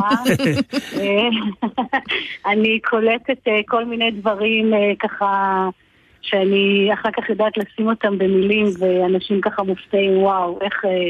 אה, כשאנחנו יושבים בישיבה של צוותים או בדיון על אה, נערים ויושב מולי נער ומגלגל עיניים, אז אני יכולה בנקל לזהות שהוא מגלגל עיניים ואני אומרת לו, אני רואה עכשיו שאתה לא... אה, אני משתמשת בביטוי לראות כי, כי בזה משתמשים, אבל אני, אני באמת באמת מרגישה שאני רואה הרבה יותר פנימה, שזאת הראייה המאוד מאוד משמעותית עבורי מעבר ל, לראייה החיצונית. קפצנו מהר מאוד ליתרונות, ואני תוהה, דווקא כשמדברים על אה, אובדן ראייה אה, לאורך זמן, איטי, הדרגתי, אם עשית לעצמך איזו, לא יודעת מה, רשימה כזאת של הדברים שאת רוצה להספיק לראות לפני שזה נעלם. אה, לא, אני אגיד שאני לא, לא רק שאני לא רוצה להספיק, אני לא, אני לא בתחושת החמצה. אני בתחושה ש... אני אומנם אה, בן אדם אה, מאמין, אבל אני אומרת את זה לא, לא בהגדרות האמוניות הדתיות של זה, אבל אני מאמינה שבאמת כל אחד מקבל אה, משהו, גם אם זה נשמע נורא לצד השני. אני קיבלתי משהו שאני מסוגלת להתמודד איתו. דורון, אני לא בטוחה שלצורך העניין, אם היה לי את מה שיש לך, אם הייתי מסוגלת לעמוד בזה. אני בטוחה שהעיוורון בשבילי הוא היכולת להתמודד, הוא היכולת להגיד, אני פה, אני שווה בין שווים, אני לא רואה. את אולי יש לך מגבלה אחרת שהיא לא נראית, ו- ולדורון יש מגבלה שאולי כן נראית או כן נשמעת, אבל אני לא, אין משהו שאני לא יכולה לעשות. אני לא אגיד שאין לי, או לא היו לי רגעים קשים שאמרתי, וואו, עכשיו הייתי מתה לנסוע לים רגע, בלי שהגט טקסט יתעכב, או בלי שאני אצטרך להגיד, תיקחו אותי, תביאו אותי. זה קורה לי, לעיתים מאוד רחוקות. אין משהו שאני לא יכולה לעשות. והמשפט הזה שאומרים, צריך לראות כדי להאמין, לא, לא צריך לראות. רגע, רגע, אני רוצה, אני רוצה להגיד לך משהו שאני לא מאמין, כי אמ, את בעצם אומרת משהו שאני חוויתי, שאת אומרת, המעט הוא הרבה. כן. וזה, המעט, אמ, נגיד ככה, הדיבור שלי, אמ, הלך והצטמצם עד, עד, עד המקום שעל... על, ש, בקיצור, המעט הוא הרבה, ואת, ואת, אה, אה, אצלך זה שבעתיים. אבל גם אצלך זה שבעתיים, עוד פעם, זה בעיני המתבונן. נכון. אני חושבת באמת שאנחנו כפרטים בעלי מוגבלות, מצליחים לקבל את עצמנו וגאים בעצמנו הרבה יותר ממה שהחברה מצליחה לקבל אותנו ולהיות גאה בנו. אה, ובשבילי העיבוד ראייה הזה עם כל הקושי שגרר אה, בהתחלה, והיו לי התמודדויות לא נעימות עם הורים של חברים שפתאום התרחקו כי חשבו שהמחלה הזאת מדבקת, עם מטפלות בגנים שעברתי ברחוב ולא אמרתי שלום כי לא ראיתי אותם ושאלו את בעלי, את יאיר, מה קרה? למה היא לא אומרת שלום? או התמודדויות של ילדים שלא רוצים שאני אבוא למסיבה אה, בגן, כי אה, אם אני אבוא אני אתקע בכיסאות ובשולחנות באיזה פדיחה. אני, אני לא אגיד שזה לא חלקים שהיו, והתמודדתי קצת בכאב, קצת ב, בתחושה של אכזבה, לצד העובדה שבאמת אמ, אין, אין משהו שאתה לא יכול להתמודד איתו. אין משהו שאתה לא יכול לעשות איתו. אה, גם ההורים שלי, אה, זיכרונם לברכה, אה, הוכיחו לי את זה, גם אני מוכיחה את זה לעצמי כל יום, אני באמת מנהלת משק בית, מגדלת ילדים, עובדת. נכון, יש את החלקים האלה. אתה מתמודד, אני נמצאת בקבוצה כן ולא רוכבי השרון, אני רוכבת על אופני טנדם זוגיים, שהרועה יושב מקדימה ואני מאחורה. אני מגיעה למקומות שבחיים אנשים רואים לא מגיעים אליהם, אני בטוחה. אני, אני בטוחה שאני עושה אה, מסלולים ואתגרים שאנשים, ספורטאים אה, אה, טובים לא מגיעים אליהם ולא עושים. אני גאה מאוד על מה שאני. אני, אנחנו באיזה דיונים פילוסופיים שאם אני אוכל לקבל את הראייה בחזרה, אם אני רוצה או לא, אז אני אומרת שלא. כי אני רואה בעיוורון שלי שליחות חברתית. אני חייבת כן, אבל לשאול רחלי, את מתארת את זה, ואמרנו, זה כבר יותר מ-25 שנה שאת uh, ככה בתוך ההתמודדות הזאת. מהרגע הראשון זה היה, זאת הייתה הגישה? לא, לא, לא, היה את הכאב. אני אגיד שמאוד מהר ויתרתי על השלב של האבל, ועשיתי טיפול אה, שבאמצעותו חזרתי קצת גם לכעוס על העולם, ולכעוס על אלוהים, ו... אבל זה היה שלב מאוד קצר, כי הכוחות שצברתי בזמן שדילגתי על האבל היו כל כך, כל כך איתנים, שבסדר, אז אני עיוורת, ואתה נכה, והוא חירש, וסבבה. וזה לא... עוד פעם אני אומרת, לנו המוגבלים הרבה יותר קל לקבל את עצמנו. הבעיה זה אה, לשכנע את החברה שגם אנחנו בתוך המגבלה שווים בין שווים, יכולים לעשות הכל כמו כולם, אולי בקצב יותר איטי, אולי נדרשת יותר סבלנות, אבל אין משהו שאי אפשר לעשות. אני אומרת שוב, זה לא, זה לא בלי, אה, בלי רגעים קשים, אבל בלי רגעים קשים שיש גם אה, לך. כבן אדם רגיל, נורמטיבי, בלי פגם, בלי כלום. בואי, אל תתחייבי שאני אדם נורמטיבי, רחלי. הבעיות שלי, לא, כמו שאמרת, הן אולי לא גלויות לעין, אבל יש פגמים. נכון.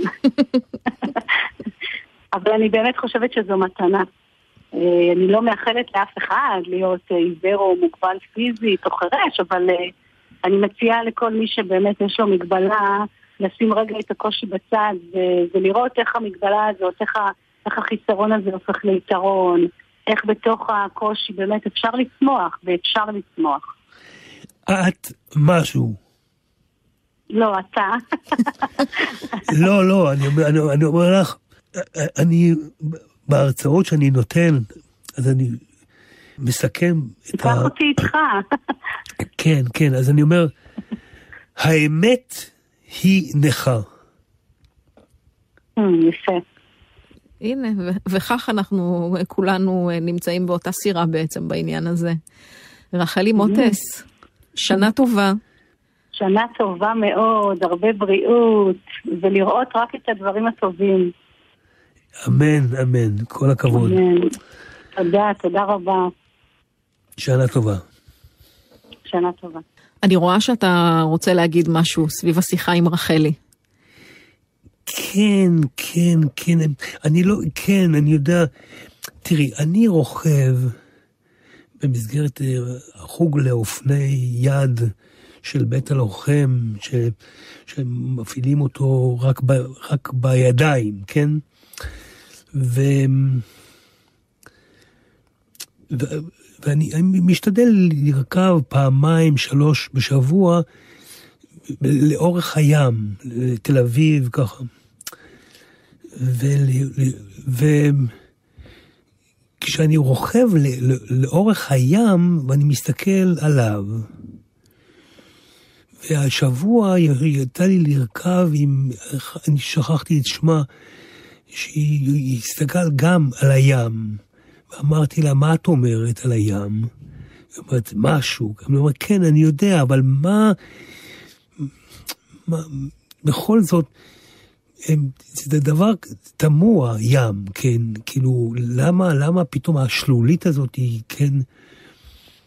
והיא צחקה, ואמרתי לה, אני חושב שהגלים, זה הצחוק של אלוהים. היא אומרת לי, מה? אמרתי, כן, אני חושב שהצחוק של הגלים זה הצחוק של אלוהים. זאת אומרת, אמ, למה אתה מתכוון? אה, אז מה, הוא צוחק עלינו? אמרתי, לא, לא. הוא... הצחוק של אלוהים, זאת אומרת, יש לו כל מיני, יש לו כל מיני זוויות וכל מיני עונות, וגם הרבה גלים, וגם, וגם הרבה, זה לא, זה לא נפסק הצחוקים שלו. כי, כי יש לו הרבה חומרים על השולחן. זאת אומרת, אה, יש לו המון בעיות בכבול, ו... אה, יש לו הרבה, וגם, וגם הבעיות של היום, הוא, הוא, הוא צוחק, הוא צוחק. תראי, אמ, אז היא אומרת, הלכת רחוק, הלכת רחוק, אמרתי לה... תראה, אני לא יודעת למה היא חושבת שהלכת רחוק, אה, לא חשבתי על זה ככה אף פעם, אבל אה, באמת, קודם כל צחוק, מדברים עליו שהוא בא בגלים, שזה כבר יפה. וחוץ מזה, זה נכון שגם אצלנו יש כל מיני סוגים של צחוק, זה לא כל הזמן אותו דבר. לפעמים אנחנו צוחקים על ולפעמים עם, לפעמים זה צחוק קטן ולפעמים מתגלגל וגדול. אה, אני לא חשבתי על זה, אבל וואו, העפת לי את המוח. לא רק זה, כשאתה מתרכז ב, ב, ב, ב, בגלים, ואתה עוקב אחרי הצחוק של אלוהים, אז אתה יכול להתחבר לכל המשמעות של הצחוק הזה. וזה טוב, זה טוב, זה טוב. אני מסכימה איתך במאה אחוז. צריך להצטרף באופן כללי לצחוק, זה תמיד טוב יותר.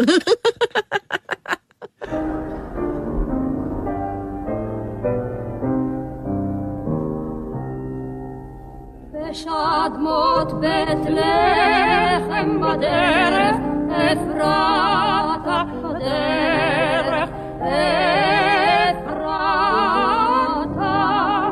עלי קבר קדומים תאבל מצבת תאבל מצבת. וכמו חצות לילה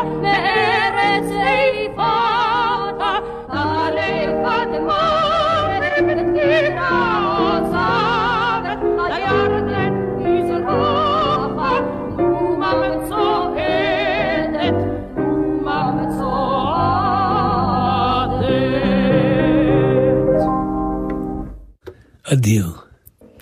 אנחנו רגילים uh, לשמוע את השתיים האלה שרות בדרך כלל את שיר המריבה או משהו.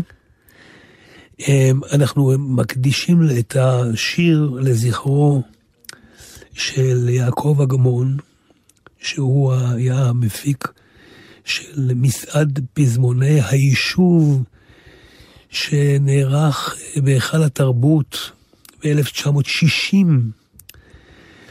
שני עותקים היו אה, שלאגר אדיר, ו...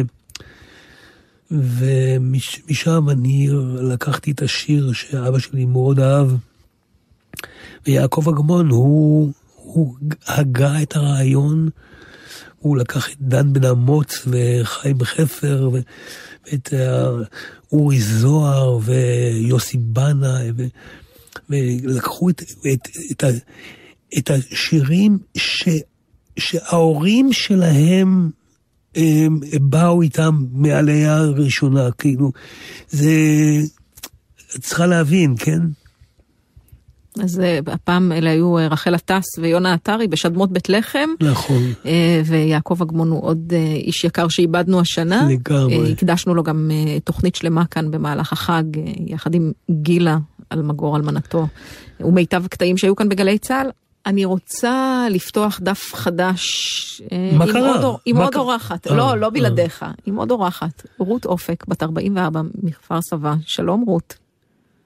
שלום ושנה טובה. שנה טובה.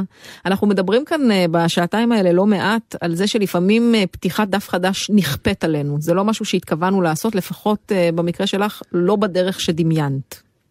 נכון, נכון. אבל לפעמים מהאין ברירה יוצאים הרבה דברים טובים. את חייבת להסביר את זה ולהתחיל מה שנקרא מההתחלה. בעצם הסיפור שלי מתחיל בזה שלפני שמונה שנים אני עברתי לידה שקטה. לידה שקטה זה בעצם מצב שבו אישה נמצאת בהריון מתקדם, מגלה שהיא צריכה או להפסיק את ההריון או שכבר אין דופק, במקרה שלי התברר שאין דופק, וצריכה לעבור לידה של תינוק שהוא כבר לא חי. לידה, הלידה עצמה היא לידה לכל דבר ועניין, עם צירים, עם מחיצות, עם אפידורל, עם הכל, רק שבסופה יש שקט, כי אין תינוק שבוכה. זאת חוויה מאוד טראומטית ומאוד קשה, רגשית, לאבד ככה תינוק בשלבים מתקדמים של ההיריון. מן הסתם זה מאוד השפיע עליי. איך ואיך זה מתקשר בעצם להתחלה החדשה, זה מתקשר לזה שגם ה... גם כל החוויה הזאת היא גרמה לי ככה להסתכל אחרת על החיים שלי, לחשוב על, על הדברים שחשובים לי, לראות uh, דברים בפרופורציות uh, אחרות, ולהגיע למסקנה שלפעמים יש דברים שאם אני רוצה לעשות אני אעשה אותם ואני לא אחכה איתם. ו- ומעבר לזה, זה לצערי רב די נכפה עליי פה איזשהו שינוי, כי כשחזרתי לעבודה שלי כ... כעורכת דין באחד המשרדים הגדולים והמובילים בארץ, חודש אחרי שחזרתי פוטרתי מהעבודה בטענה שעושים צמצומים במשרד. חודש אחרי שעזבתי גיליתי שזה לא בדיוק היה צמצומים, זה פשוט הוחלפתי בגבר שהגיע במקומי. אבל אני, אני במקום שלי מצאתי את עצמי בעצם זמן קצר יחסית אחרי הלידה השקטה, חודשיים או שלושה, בלי, בלי עבודה. ובלי ילדה בבית. ו- וככה הייתי צריכה במרכאות לחשב מסלול מחדש. רגע, אבל קחי אותי לתקופה הזאת, למה עובר לך בראש? מה את חושבת? על עצמך, על, על העולם, על האנשים שסביבך?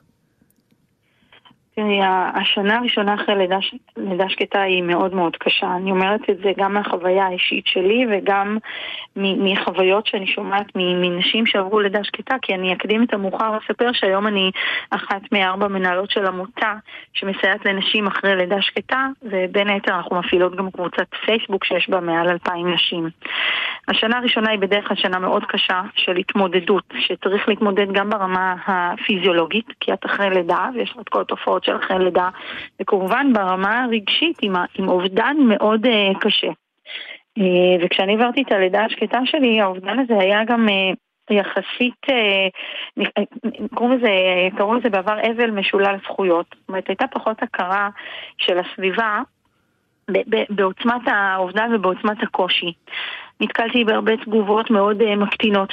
תגובות שנועדו לעודד, אבל בעצם הם לא כל כך עודדו. מה זה תגובה שנועדה לעודד ולא מעודדת? התגובה הקלאסית ששמעתי מלא מעט אנשים היא, יש לך ילדים בבית אז תתרכזי בהם, בהם ותשכחי ממה שקרה. תגובות כמו לא נורא, שנה הבאה נראה אותך עם עגלה.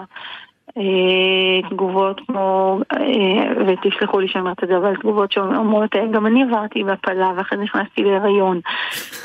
שזה חוויה מאוד קשה לעבור הפלה, זה נכון, אבל, אבל אנחנו... זה לא אותו דבר, זה לא אותו דבר. זה לא אותו דבר. יש הבדל עצום, כן.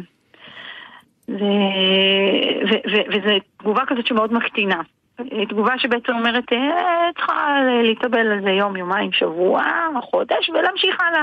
לשכוח מכל מה שקרה ולהמשיך הלאה, שזה דבר ש... שאי אפשר. שאי אפשר. אני, אני לא חושבת שמישהו יכול לשכוח אובדן של ילד. לפחות ככה אנחנו רואות את זה. אז, אז בעצם צריך, הייתה פה התמודדות עם, עם הרבה דברים מסביב, שהיא לא הייתה קלה. ו- ובתוך כל זה צריך ככה לנסות להתעודד, לנסות להתחזק, וזה, וזה לא היה קל. השנה הראשונה שלי אחרי הלידה הייתה באמת גיהנום מלא אדמות. אין לי דרך אחרת להגדיר אותה. התגובות אבל... מבחוץ, אני מבינה, לא רגישות. מה את חושבת על עצמך? על מי את כועסת, אם בכלל, במהלך שנה כזו? וואו, תשמעי, את, את נמצאת במצב שאת כועסת על עצמך ואת כועסת על כולם, ואז רגע אחר את לא כועסת על אף אחד, את פשוט נמצאת בעצב מאוד גדול. המחשבה עם עצמי זה שהגוף שלי אכזב אותי. ש, שלא הצלחתי, ש, שאני אפילו לא יודעת למה זה קרה, כי למרות שעשינו נתיחה לא, לא נמצא איזושהי בעיה. ואת צריכה להתמודד עם מצב כזה שפשוט קרה משהו, פשוט קרה אסון, ואת לא, לא יודעת את מי להאשים. להאשים. אני, אני ניסיתי לחשוב אם הייתי יכולה להגיע למיון מוקדם יותר, אם זה היה משנה משהו, אבל, אבל בפועל, וגם אחרי ששוחחתי עם אנשי מקצוע, הבנתי שלפעמים יש דברים ש, שלא משנה מה הייתי עושה. א', זה לא עוזר לחשוב על זה בדיעבד, וב', זה לא בהכרח היה משנה את התוצאה. ושצריך להתמקד במה עושים הלאה. אני רוצה לשאול אותך כל כך הרבה שאלות ואני אני לא מסוגל, כי, כי מה שאת מתארת זה הסמל של הענקת החיים והמפגש שלך עם המוות. וזה, הניגוד הזה, ואתה שואל את עצמך, במה אני לא בסדר?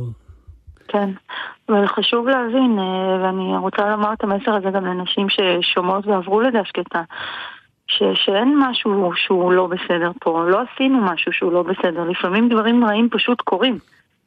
וזה, וזה הקושי, זה העצב, שאת את יודעת שכאילו עשיתי את כל הבדיקות, הלכתי, עשיתי הכל, הכל היה תקין, ועדיין קרה מה שקרה, לא יכולתי לעשות את הדברים אחרת. אני חייבת לציין שהיום לשמחתי רבה, בגלל הפעילויות שעשינו במסגרת העמותה שלנו, אז היום המודעות ללידה שקטה היא יותר גבוהה. והתגובות לאט לאט אה, מתמתנות, ופחות שומעים את התגובות המקטינות ויותר תגובות מחזקות ומחבקות, ואני חושבת שזה דבר שמאוד עוזר. תגידי, האנשים אה, שעברו אה, לידה... שקטה. כן. לידה שקטה. הם יכולים להוליד עוד פעם? בוודאי, בוודאי. אני אישית ילדתי בת בריאה ארבע שנים אחר כך. אוקיי, רגע, רגע, ו, רגע, ו, וזה לא מקטין את ה... כאילו, אני סתם, זה לא מקטין את ה... את הטראומה? אמ, אני לא, לא יודעת אם להגיד אם זה מקטין את הטראומה. מן הסתם, לחוות חוויה מתקנת של לצאת מבית היולדות בידיים מלאות זה דבר נהדר, ושיש ילד בבית אחרי עצב כזה גדול זה, זה נפלא.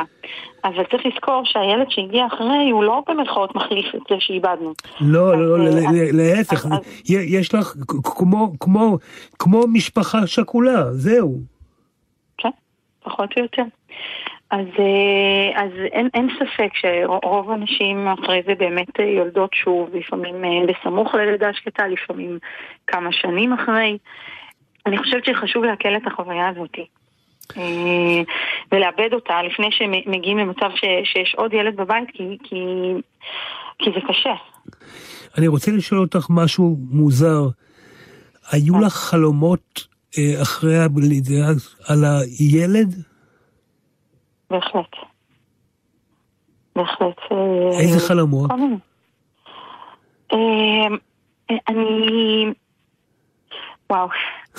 אני לא, לא היו לי, אני לא זוכרת שהיו לי חלומות שכאילו, שאני חיה בעולם אחר שבו ילדתי את התינוקת שלי והיא בריאה והכל תקין בעולם. אבל, אה, אבל היו לי כל מיני חלומות שככה חשבתי על החלומות שסוג של דיברתי איתה בחלום.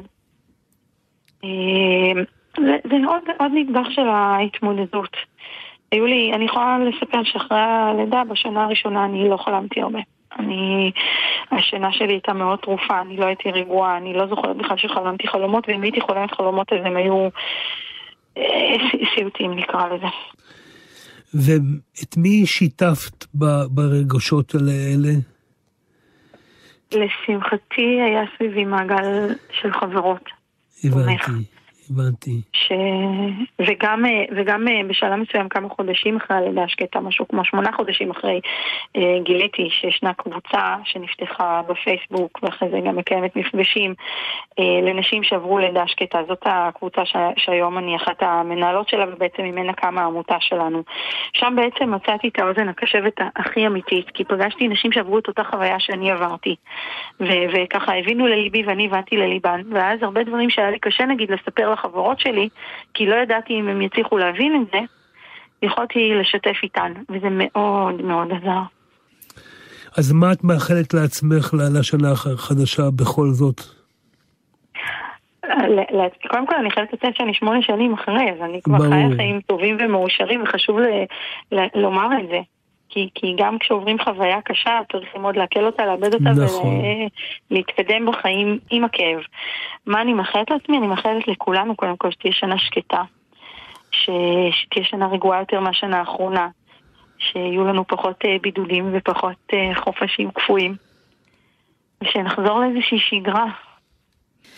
אנחנו מצטרפים לאיחול הזה, רות אופק, תודה רבה, שנה טובה. תודה לכם ושנה טובה.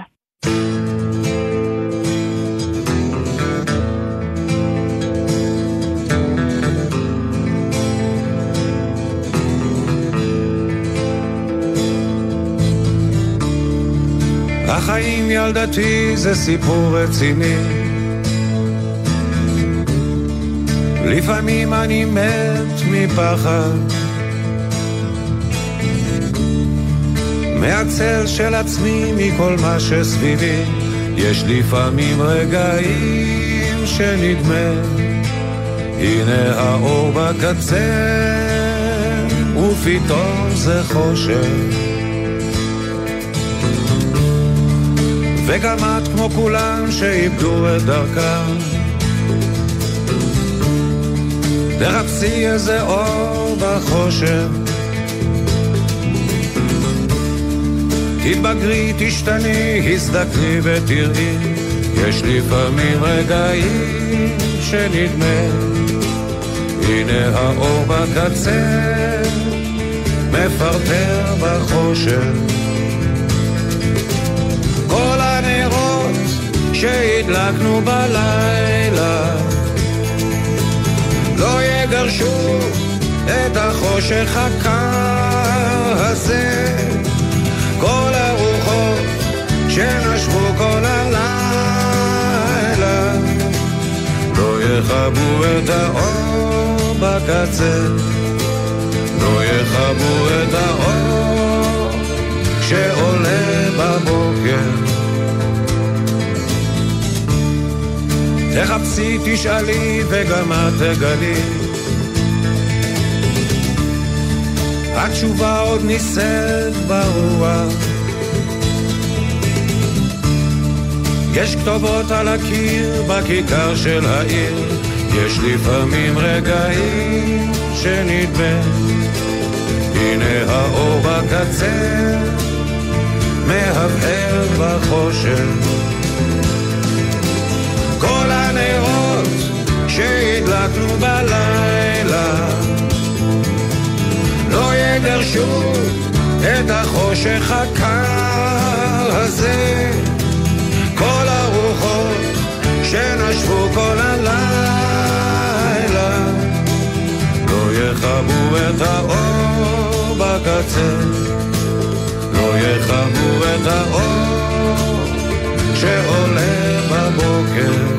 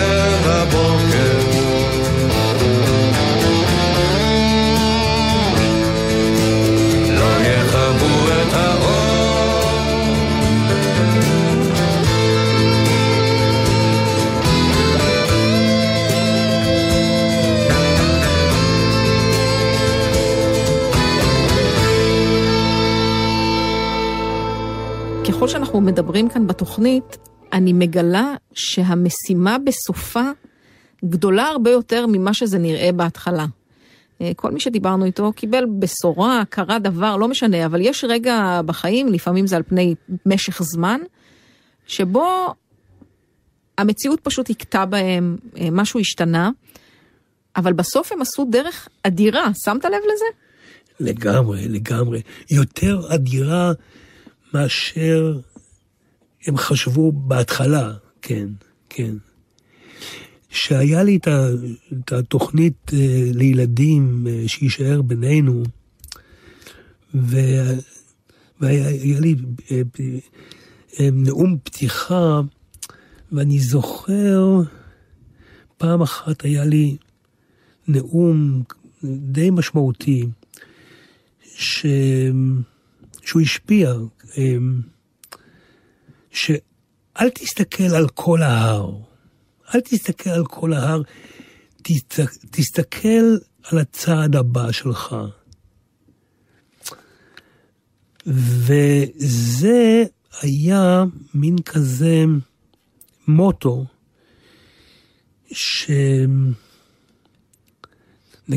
שאתה רואה אה, אה, את הדוקטורט, או את הדואר השני, או, או כל פרויקט, או כל דבר, ואתה רואה, יואו, איזה, איזה בניין, איזה זה, זה, זה, ואני אומר, אל תסתכל על כל, על כל ההר, תסתכל על הצעד הבא. ו... לפעמים צריך את הפרספקטיבה הזו. חשוב לדעת לאן רוצים להגיע. אבל צעד צעד. לגמרי. טוב שאת, טוב שאת אומרת לי, צריך גם את, ה, את, ה, את הפרספקטיבה, נכון, נכון, נכון. אבל כשאני רואה את ה... של ההר, את הזה, אז אני אומר לעצמי, עזוב את זה, עזוב. אני אגיד לך למה. לי, שהייתי בבית חולים, ולא יכולתי לדבר, וה- והטסטים שלי היו נוראיים, והיכולת, הכתיבה שלי הייתה על הפנים, ופתאום רציתי רק למות. ומי, ש... ומי שדיברה איתי הייתה המטפלת עדינה שריג, והיא אמרה לי שהיא הייתה, הייתה ילדה, והיא ראתה את התוכנית שיישאר בינינו. והיא הייתה בשלב שזה היה קריטי לגביה, ופתאום אני יושב שם ואני אומר, אל תסתכל על כל ההר, תסתכל רק על הצעד הבא, וזה היה חרוט גם כשהיא עשתה את ה-MA, אז אימא שלה טלפנה לה ואמרה לה, אל תסתכל על כל ההר, אה, זה, והיא זכרה את זה.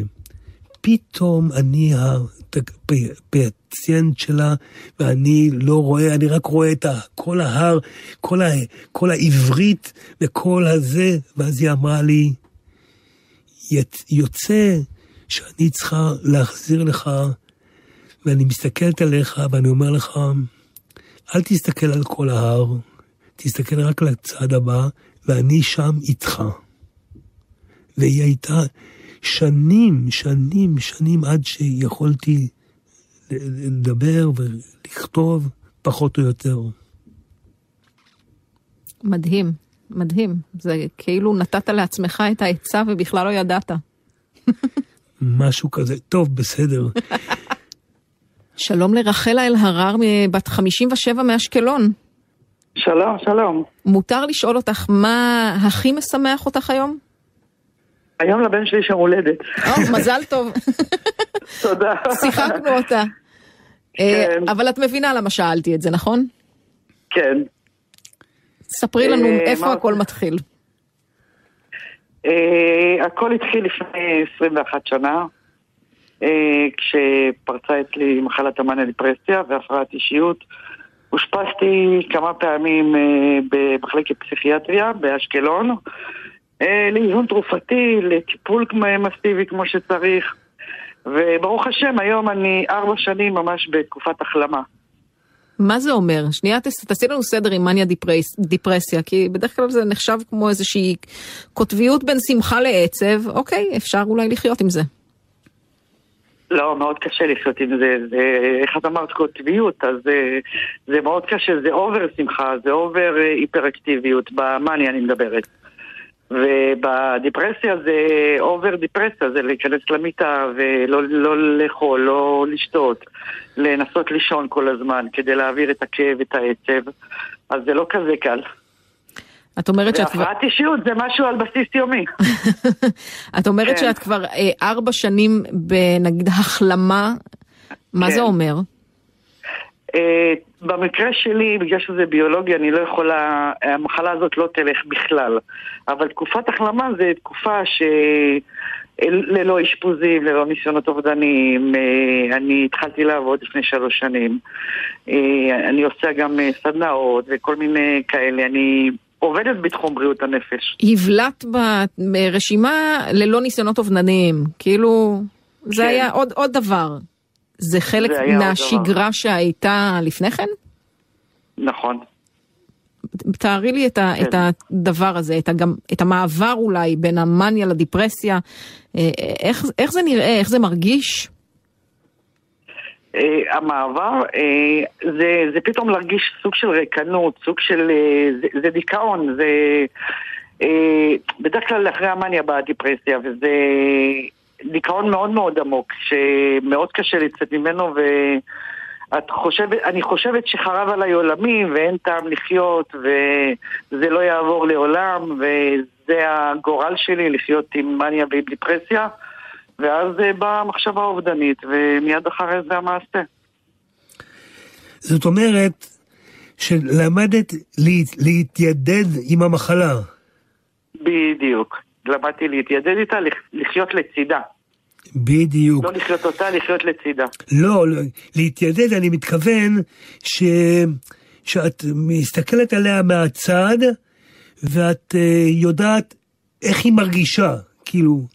בדיוק, בדיוק. Uh, אני אגיד לך, uh, זה נכון להסתכל עליה מהצד, זה ללמוד לחיות לצידה, זה לא שזה לא קיים בכלל. אה, יש לי דיכאונות מדי פעם, אבל הם לא כאלה אה, חמורים שמכניסים אותי למיטה בלי לצאת ממנה, או לראות הכל שחור. להגיד לעצמי, זה יחלוף, וזה באמת חולף יחסית מהר, לעומת פעמים קודמות שאני אומרת לעצמי, זה לא יעזור, את, כל החיים שלך זה יהיה ככה. אז פה אני אומרת, זה יחלוף, ואז באמת זה חולף, ואז אני חוזרת לעצמי. אבל ארבע שנים ללא אשפוזים, שזה הישג נדיר. עד כמה את נכון. מרגישה שה...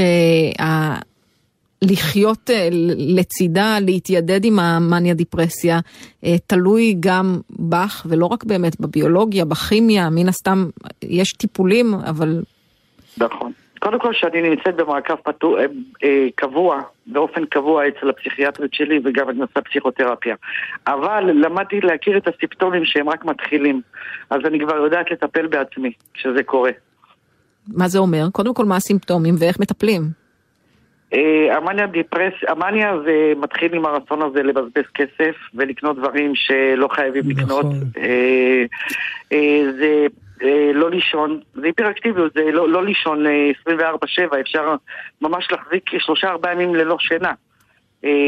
זה להפעיל את הגוף כל הזמן. והדיפרסיה זה, אני מרגישה כאילו דיכאון קל, אז אני כבר יודעת, אני גם יודעת את התאריכים, אצלי זה גם תאריכים קבועים. אז, אה, אז אני יודעת ל, ל, לגלות את זה, ואז אני ישר הולכת לפסיכיאטרית ואומרת לה זה מתחיל, אז אנחנו מעלים מינונים בכדורים. וכשזה עובר, אז אנחנו מורידים חזרה את המינונים.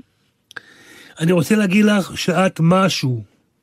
זה מעשה גבורה. מה שאת... תודה, תודה. מה שאת... למדת לחיות עם, ה, עם, ה, עם המחלה הזאת, המחלה. כי זה, זה נדיר שמישהו בא ו, ומכמת אותה ל... ל אמ, ויכול להתמודד איתה ככה.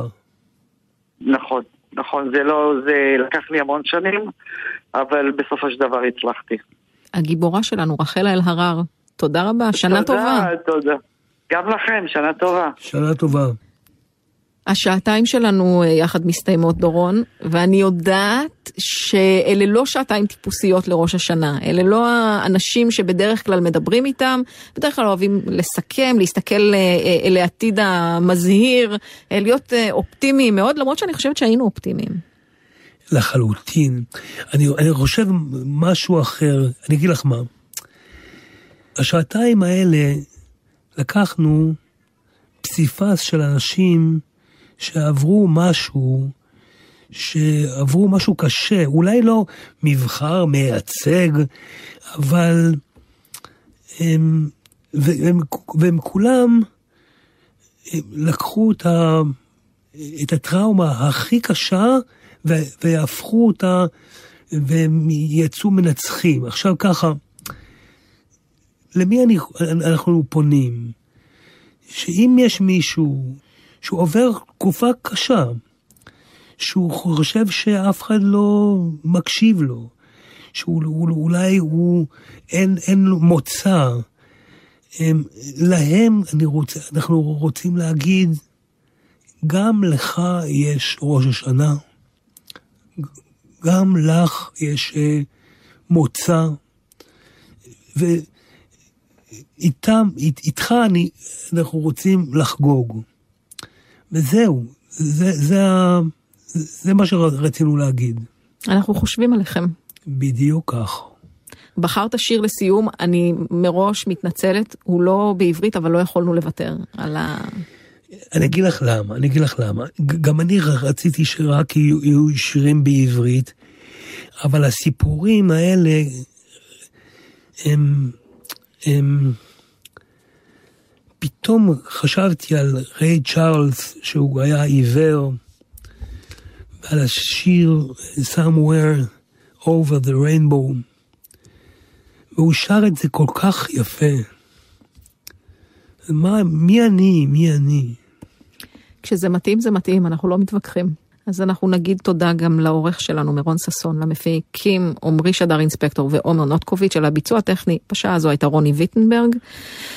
דורון נשר, היה לי לעונג. ענבל גזית, גם לי. שנה טובה. שנה טובה גם לך.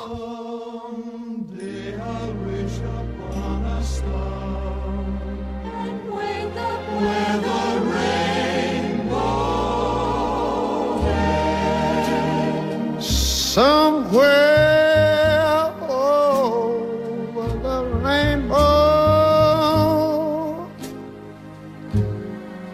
way up high,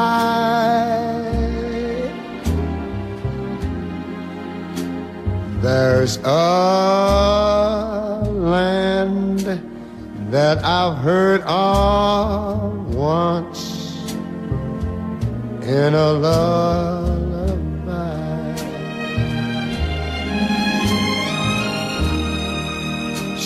somewhere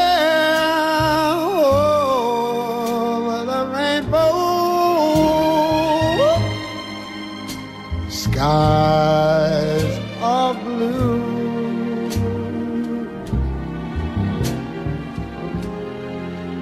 And the dreams that you dare to dream really do come true.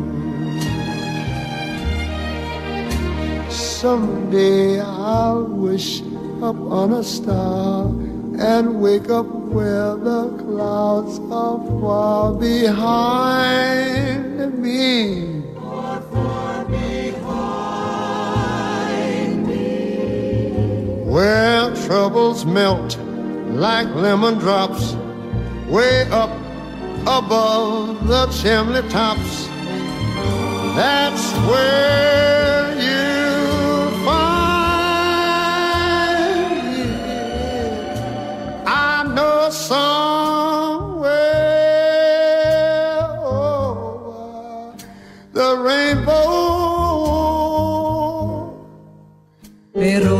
השנה, בראש השנה. חג שמח מגלי צה"ל. שנה טובה, שנה טובה. אני לעולם לא אשכח לאסוף את הילד מהגן. אני לעולם לא אשכח את התור של הילדה לרופא. אני אף פעם לא אשכח את התינוקת שלי ברכב. זה פשוט לא יכול לקרות לי. אל תגידו, לי זה לא יקרה. שכחת ילדים ברכב יכולה לקרות לכל אחד ולכל אחת מאיתנו. לפני שיוצאים ונועלים את הרכב, מוודאים שכולם ירדו ושלא שכחנו אף אחד. עושים מנהג קבוע, קובעים תזכורת בטלפון הנייד או מניחים את התיק במושב האחורי ליד הילד. להמלצות נוספות חפשו בגוגל אסק רלב"ד.